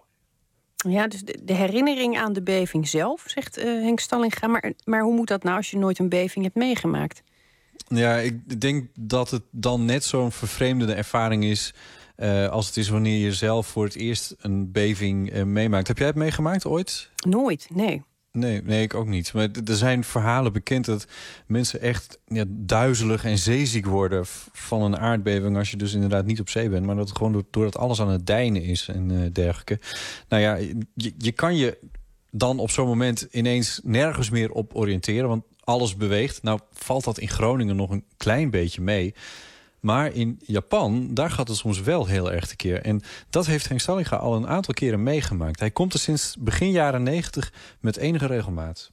Ook echt wel meegemaakt, gewoon in de stad. Dan heb je gewoon een hele stevige beving. En dan komt er een eh, voorpui van een department store naar beneden storten. Ja, en dat, daar, daar ben ik dus behoorlijk van onder de indruk. nou, in Japan een stuk minder. Dat is echt binnen een dag opgeruimd. En eh, twee dagen later wordt er alweer een nieuwe pui gebouwd. Het is... eh, het grappige is ook, als je het er met mensen over hebt, zo van, goh, eh, voel je daar wel veilig bij? Dan staan ze altijd wat een beetje te, te grinniken naar mij. Zo van, nee, jij voelt je lekker veilig in Nederland met 7 meter onder het zeeoppervlak. En het grappige is, wij zijn daar natuurlijk ook helemaal vertrouwd mee. Ja, deze installatie die is eh, samen met zeven andere werken van Henk Stallinga vanaf zaterdag te zien in de Der A-kerk in Groningen. En later zullen deze, en er komen dan nog vijf extra installaties bij, die gaan reizen naar Japan.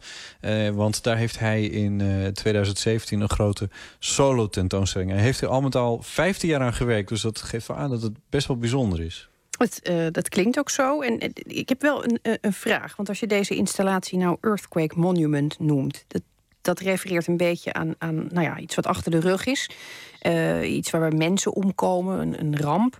Ehm, dat is toch ook een beetje wrang als je dat tentoonstelt in Groningen. Want, nou ja, Ja, het is een beetje raar natuurlijk. Die bevingen in Groningen die zijn gewoon nog gaande. Dat is nog niet, nog niet afgerond. Dus als je daar nu een soort monument voor opricht, dan, dan klopt dat niet helemaal. Ehm, eh, er zijn ook in Groningen gelukkig nog geen doden of gewonden bijgevallen. En dat realiseert Stallinga zich ook. Groningen is natuurlijk een valletje apart, hè? want dan heb je het over eigenlijk industriële aardbevingen. En ja, dat is natuurlijk ja, dat is weer helemaal een bijzondere in zijn soort. En het, het, hè, wat, wat ik natuurlijk wil eh, als kunstenaar, is dat ik eigenlijk natuurlijk hè, dit wil bevragen. Hè? In plaats van, dat ik, ik, ik heb geen antwoord, ik heb geen oplossing. Hè? Dat is ook niet mijn taak in dit verhaal. als ik het goed begrijp, dan gaat het hem dus vooral om, om, om de beleving van die aardbeving, om dat eh, op te roepen. Eh, Mhm. Kun jij eh, mij uitleggen waarom hij voor klokken kiest in die installatie? Ja, dat is wel een, eh, wel een goede vraag. Want dat, dat, dat was ook een van de eerste dingen die ik me afvroeg. Maar het is ook eigenlijk volstrekt logisch. Want hij, hij heeft mij uitgelegd. Dat heeft te maken met eh, dat de tijd in zijn optiek eigenlijk het enige is waar je nog eh, houvast aan hebt bij een aardbeving. bij een beving trilt zelfs de horizon. Hè. De horizon is normaal altijd ons eikpunt. Als je wagenziek wordt of dat je op de golven zit... het enige wat je doet is kijken naar de horizon... en dat geeft eigenlijk je houvast. Dat werkt niet bij een beving. Bij een beving is eigenlijk alleen je vasthouden aan de tijd. Want een beving ervaren mensen echt als een half uur. In de praktijk is dat het nog geen 10 seconden is. En ehm, dat is eigenlijk hetgene wat ik doe. Hè. Want alles, alles beweegt in die installatie, alleen de tijd loopt door. Dus van die twee begrippen, die, die, die alomvattende, bijna kosmische begrippen zou ik bijna willen zeggen, van ruimte en tijd, is bij een aardbeving de ruimte aan vervorming eh, onderhevig, maar de tijd niet. Die gaat gewoon door. Dus daarom eh, wiebelt alles om je heen in zijn installatie en heb je even geen houvast. Maar zie je wel aan die klokjes hoe de tijd op vertrouwde wijze eh, altijd wegtikt. Klinkt als een hele ontregelende sensatie om daarin. eh, ben je van plannen er even in te gaan liggen, hangen, staan? Nee, ik, nou, dat is eigenlijk wel een goede vraag. Want ehm, ik ben helemaal niet zo van het, het, het desoriënterende en het mezelf eh, in, in dat soort posities brengen. Ik heb ook een hekel aan schepen en dat soort dingen. Maar eh, ehm, ja, misschien moest je dat. Weet je, het punt is, je kan hier altijd gewoon weer uitlopen. Dat zegt hij ook. Van het is helemaal niet de bedoeling om bij mensen hele nare ervaringen, herinneringen op te roepen of nare ervaringen te geven. De bedoeling is om je eh, die ervaring, om de mogelijkheid te geven om die ervaring te hebben. En je hebt natuurlijk altijd de keuze, want het blijft natuurlijk gewoon een kunstproject. het is niet het echte leven. Je kan eruit lopen. Je kan gewoon weer naar buiten gaan op het moment dat je denkt van nou, nu ben ik er even klaar mee. Maar als je het ergens fijn vindt, bedoel, er zijn ook mensen die in kermisattracties stappen en die vinden het kennelijk fijn om duizelig te worden of zo. Ja, ik vind zelf dan altijd ook fijn dat je de uitnodiging tot ontregeling ook kan afslaan. Ehm, ja, precies. Daar zijn we het voor volgens mij ontzettend over eens. Misschien moeten we er alsnog eh, samen aan geloven. Eh, is dit eigenlijk een thema voor hem, dat, dat verstrijken van tijd? Doet hij daar vaker, ehm, werkt hij daar vaker mee in, in zijn Ja. Hij heeft, eh, eh, de- deze dat, eh, er heeft nog een paar installaties daar in Groningen staan. En eentje daarvan is Chain Reaction. Ehm, naast deze waar we het nu net over hadden. Eh, dat is een, een, een lichtsculptuur. En die heeft eerder bij eh, in het Holland Festival, toen dat aan de gang was in Amsterdam, heeft dat in Carré gestaan, eh, vorige maand. Ehm, en dat, daar heeft hij een soort enorme lichtcirkel van oh, weer 7 meter doorsnee gemaakt. En die, ja, die, die waait met het vergaan van de tijd op en neer. Dus gedurende een etmaal, dan maakt die glazen cirkel eh, van licht eh, één omwenteling. En dan eh, ja, krijg je als toeschouwer een beetje een indruk van het verstrijken van de tijd. Het, het, is, het zit in meer dingen die hij, die, hij die stelling gemaakt. Goed, Botte Jellema, dank je wel voor je verslag. En deze installaties zijn te zien tot 23 augustus in de Der A-kerk in Groningen. T-Bone Walker was van groot belang bij de vorming van de moderne blues. Zonder de innovatieve Walker zou er bijvoorbeeld geen B.B. King zijn geweest, geen Buddy Guy en al helemaal geen Eric Clapton. Een eerbetoon aan de leermeester zelf, T-Bone Blues.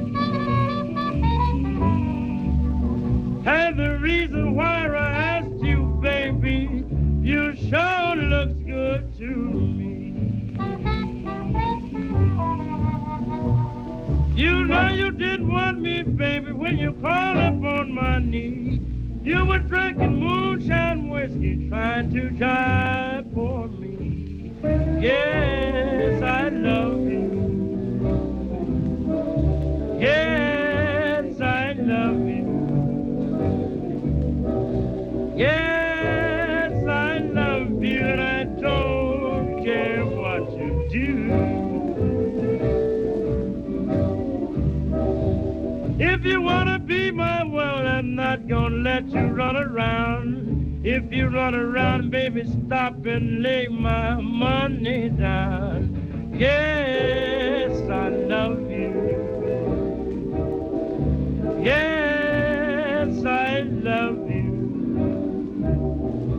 Yes, I love you, and I don't care what you do.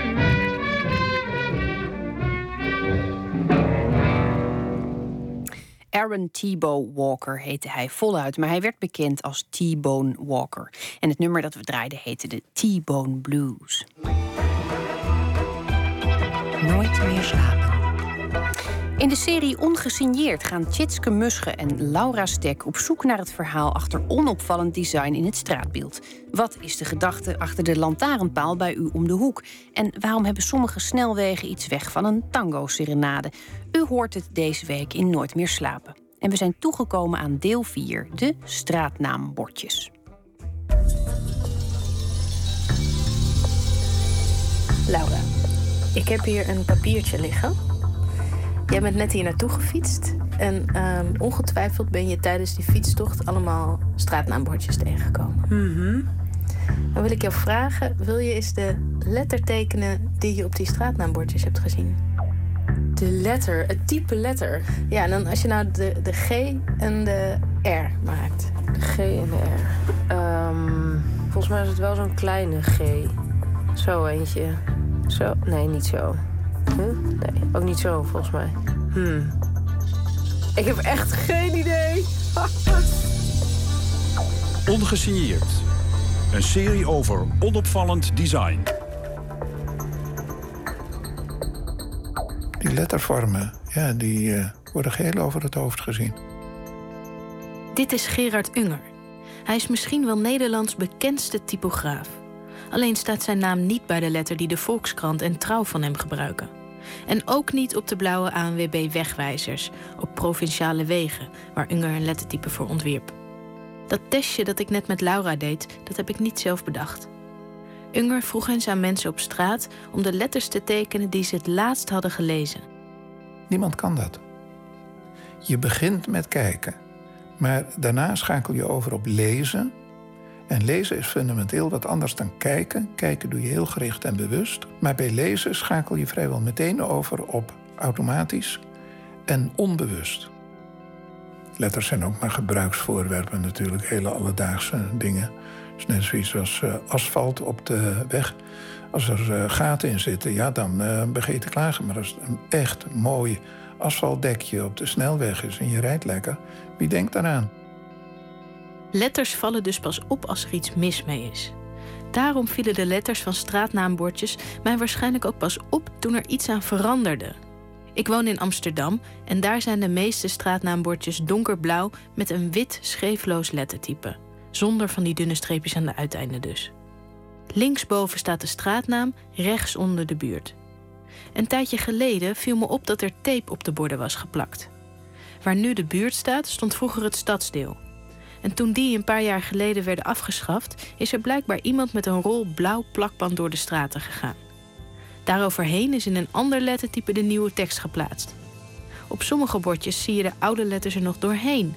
Op andere is er een letter afgevallen omdat het niet meer paste. Het ziet er allemaal nogal lullig uit. Als ik google op straatnaambordjes in Amsterdam, ontdek ik dat ik niet de enige ben die dat is opgevallen. Ik heb geleerd dat ik tegenwoordig ook af en toe even mijn hoofd moet afwenden. Om mezelf rust te geven. Karel Kuitenbrouwer is grafisch ontwerper en kunstenaar. Op zijn blog schrijft hij over straatnaambordjes. Tijdens een tour door zijn buurt laat hij me zien wat er mis is.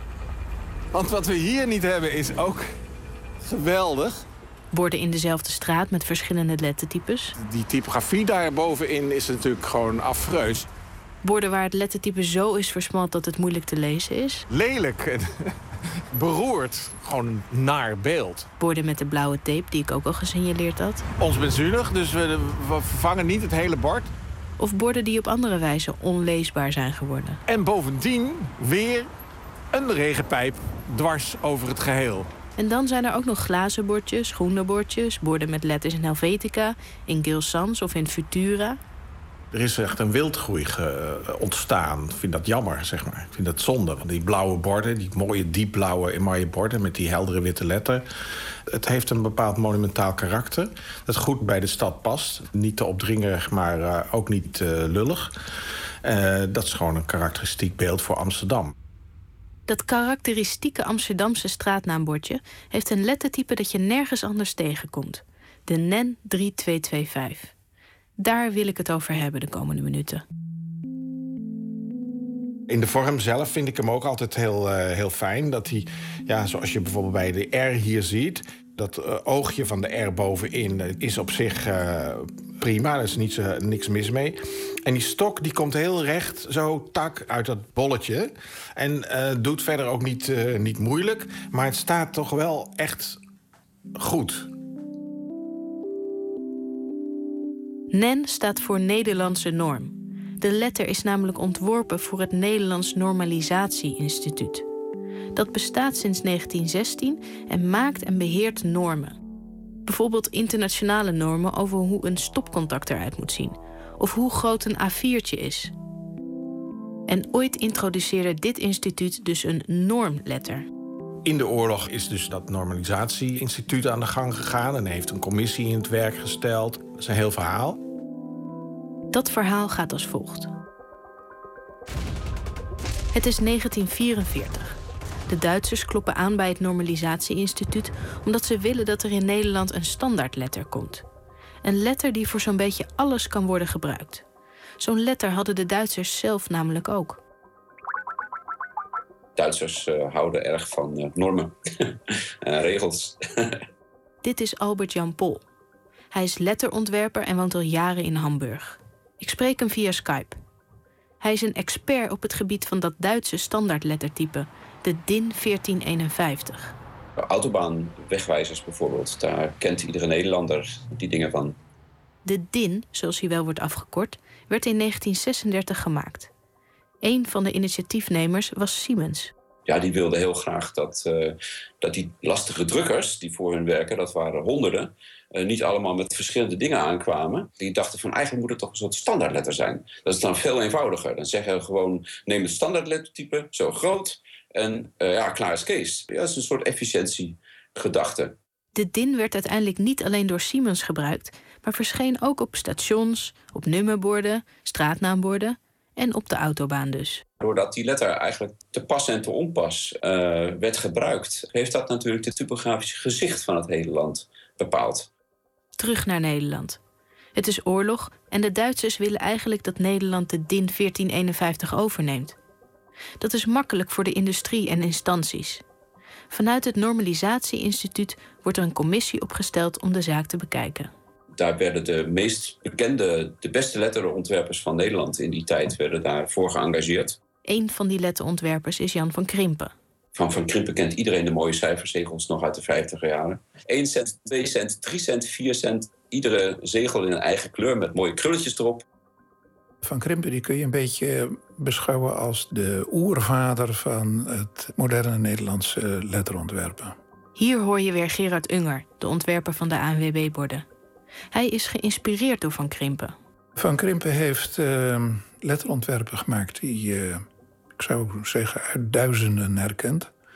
Tegelijkertijd hebben ze een eh, letter ontwerpen iets heel algemeens. Die combinatie van heel algemeen en toch heel persoonlijk, dat is iets heel bijzonders. Dat heeft mij altijd aangetrokken. En daarvan heb ik altijd gedacht, eh, dat wil ik ook. Uh, lettertypes maken voor de lange duur, met een lang leven. Dat het met deze letter van Van Krimpen anders is gelopen, dat hoor je zo. Even terug naar het verhaal. Van Krimpen zit dus in de commissie die zich moet buigen over de Duitse standaardletter. Die zeiden van, wat is dat verschrikkelijk lelijk. Wat, wat die Duitsers daar uh, willen, daar kunnen we niet aan beginnen. En dus gaat Van Krimpen zelf aan de slag. Dat is een uh, letter die gebaseerd is op de kalligrafische oorsprong van ons schrift überhaupt. De grondslag van de letters die we vandaag lezen komt uit de 15e eeuw, Italië. En de proporties van deze letters uh, en de vormen van deze letters zijn sindsdien eigenlijk nauwelijks veranderd. Dus wat Van Krimpen heeft gedaan, uh, hij heeft eigenlijk die letters bij de kop genomen en ja, de schreven eraf gehaald. Ja, en daarmee is een, uh, is een schreefloze letter ontstaan die zich heel erg aan het, aan het handschrift oriënteert.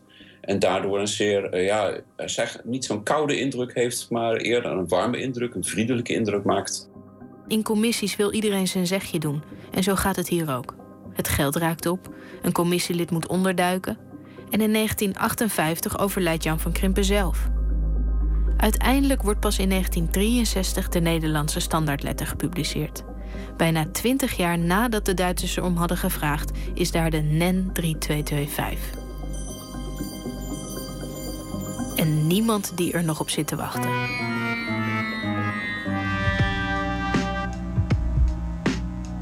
De spoorwegen gebruiken al een ander lettertype. En er zijn ook al letters voor nummerborden en bewegwijzering. Misschien is de letter van Van Krimpen ook wel te moeilijk om na te maken. Er zijn nog geen computers natuurlijk, dus als een bedrijf of een instantie de letter wil gebruiken, moet die met de hand nagetekend worden. Bij de Duitsers kan je een O met uh, 1, 2, 3, 4 cirkelbogen en vier rechte lijnen maken. Dat is uh, vrij simpel. En dat geldt bijna voor alle andere letters ook. Die zet je eventjes met een, met een passer en een liniaal in elkaar. Dat gaat hup, hup, hup. En het Nederlandse ding moet je natuurlijk... Uh, ja, daar moet je wel een beetje talent voor hebben. Maar misschien zijn er ook andere redenen. Ja, niemand wil zich aan de regels van andere mensen houden. Hè. Dat is... Uh, ja, ja, daarin kan een klein land groot zijn. de NEN 3225 is dus nooit echt de Nederlandse standaardletter geworden. Laat staan dat de letter het typografisch gezicht heeft bepaald, zoals de DIN in Duitsland. Een van de weinige plekken waar de NEN 3225 wel gebruikt is, is dus in Amsterdam, op de straatnaambordjes. Terug naar Karel Kuitenbrouwer. Toen is dus in, na de oorlog, en dat heeft ook veel met de wederopbouw te maken, met de uitbreiding van de stad in West en, en, en Oost, uh, is er dus vanuit de centrale stad deze letter gekozen om op alle straatnaamborden toe te passen. Donkerblauwe emaille borden met die witte letter uh, erop. Zeer herkenbaar, uh, prima. Maar er kwam een moment waarop ook in Amsterdam niemand zich meer echt om die NEN 3225 bekommerde. Dat was begin jaren 80. Doordat de stad werd opgedeeld in stadsdelen en die stadsdelen de verantwoordelijkheid kregen voor de inrichting van de openbare ruimte en dus zelf die borden moesten gaan uh, bestellen, is dat veranderd. En zo kan het dat je nu behalve borden met NEN 3225 ook borden ziet hangen met letters in het type Gil Sans. Dat lijkt er een beetje op, maar als je goed kijkt is het een groot verschil. En dan zijn er nog die bordjes in andere lettertypes. Daarmee gaat volgens Kuitenbrouwer niet alleen een monumentaal beeld van Amsterdam verloren. De ratje toe van borden zorgt ook voor een ander probleem. Ik ben er heilig van overtuigd dat een goed verzorgde omgeving, die tot in de details klopt, zeg maar, dat dat bijdraagt in het gevoel van veiligheid van mensen. Heel eenvoudig bijvoorbeeld, het kunnen vinden van de weg is natuurlijk voor mensen gewoon essentieel. Dat straatnaamborden overal hetzelfde zijn, voegt daar volgens hem nog iets aan toe ja, als je elke keer moet kijken van uh, kan ik het lezen, waar hangt het precies, uh, is het wel duidelijk, dan geeft dat ook ruis in je hoofd. Plus die verzorgdheid, die wordt uitgestraald vanuit de beheerder van de ruimte, geeft naar mijn gevoel ook meer aanleiding bij de gebruiker om zorgvuldig met die ruimte om te gaan. Zou het inderdaad zo werken? Zou ik misschien mijn stoep eens gaan vegen als het straatnaambordje op de gevel niet met die verschillende lagen tape was beplakt? Ik weet het niet. In ieder geval kan ik nu ook niet meer door de stad lopen zonder te zoeken naar die monumentale NEN 3225. Kijk, hier heb je trouwens een mooie Vondelstraat. Oh, ik zie hem al. Ja, je ziet hem al. ah, gelukkig. Je bent al eh, besmet geraakt.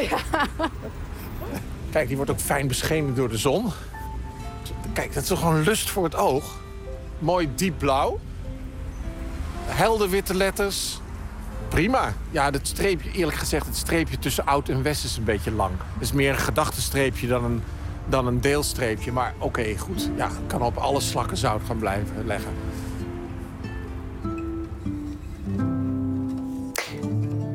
Hoorde het vierde deel van Ongesigneerd, gemaakt door Tjitske Musche en Laura Stek. De serie kwam tot stand met steun van het Mediafonds en werd gemaakt voor Woord.nl. En daar zijn alle afleveringen uit de serie na te luisteren. Annemieke Gerrist is dichter en beeldend kunstenaar. Waar is een huis heet de bundel waarmee ze in 2008 debuteerde. En eerder dit jaar verscheen het volume van een logier, haar tweede bundel. Deze week stuurt ze u iedere nacht naar bed met een gedicht van haar keuze. En ditmaal koos Annemieke Gerrist voor een gedicht van Alfred Schaffer. U hoorde hem eerder dit uur. Dagdroom 375.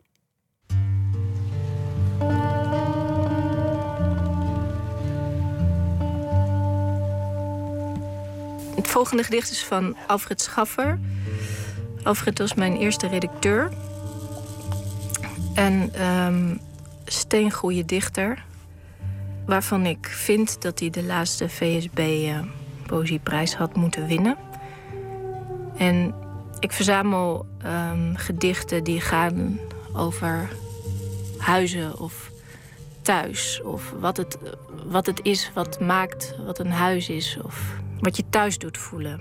Omdat ik daar zelf ook eh, veel over schrijf. En dit gedicht vond ik echt heel mooi. Komt uit zijn eh, laatste bundel Mens, Dier, Ding. Dag, droom 375. Toen ik vanochtend de gordijnen opentrok, herkende ik het uitzicht niet. Alsof ik naar een leugen keek. Voor mijn raam werd druk gepraat. Ik hield me roerloos als een vliegje in de storm. Ik moest hier dringend weg. Voor ik werd opgemerkt, voor het ging regenen en regenen. Het hield niet op, zijknat van de regen. Zijknat van het dromen over regen ging ik aan de slag. Razendsnel en anoniem. Eén voor één droeg ik mijn weinige bezittingen het schuurtje uit, de tuin door naar de oude straat. Toen ik de klus geklaard had, stond ik voor mijn huis een beetje te verpieteren. Terwijl ik toch de baas geweest was daar. In elk geval tot wie dan ook het tegendeel bewezen had. U hoorde Annemieke Gerrist met het gedicht Dagdroom 375 van Alfred Schaffer. Ik vertel u nog iets over morgen. Dan komt beeldend kunstenaar Marjan Theeuwen langs. Zij maakt verwoeste huizen. Voor één foto breekt, sloopt en herbouwt Theeuwen... tot er een geheel nieuwe architectonische installatie is gecreëerd. Daarover uh, komt ze vertellen. En dan is Floortje Smit hier. En ook gaan we aandacht besteden aan een expositie over vlucht MH17. Wie is de afzender? We hebben een ontmoeting met de onbekende kunstenaar. Dat onder meer morgen en ik hoop dat u er dan ook weer bent. Ik laat u achter bij De Nachtzuster en wens u een hele mooie nacht.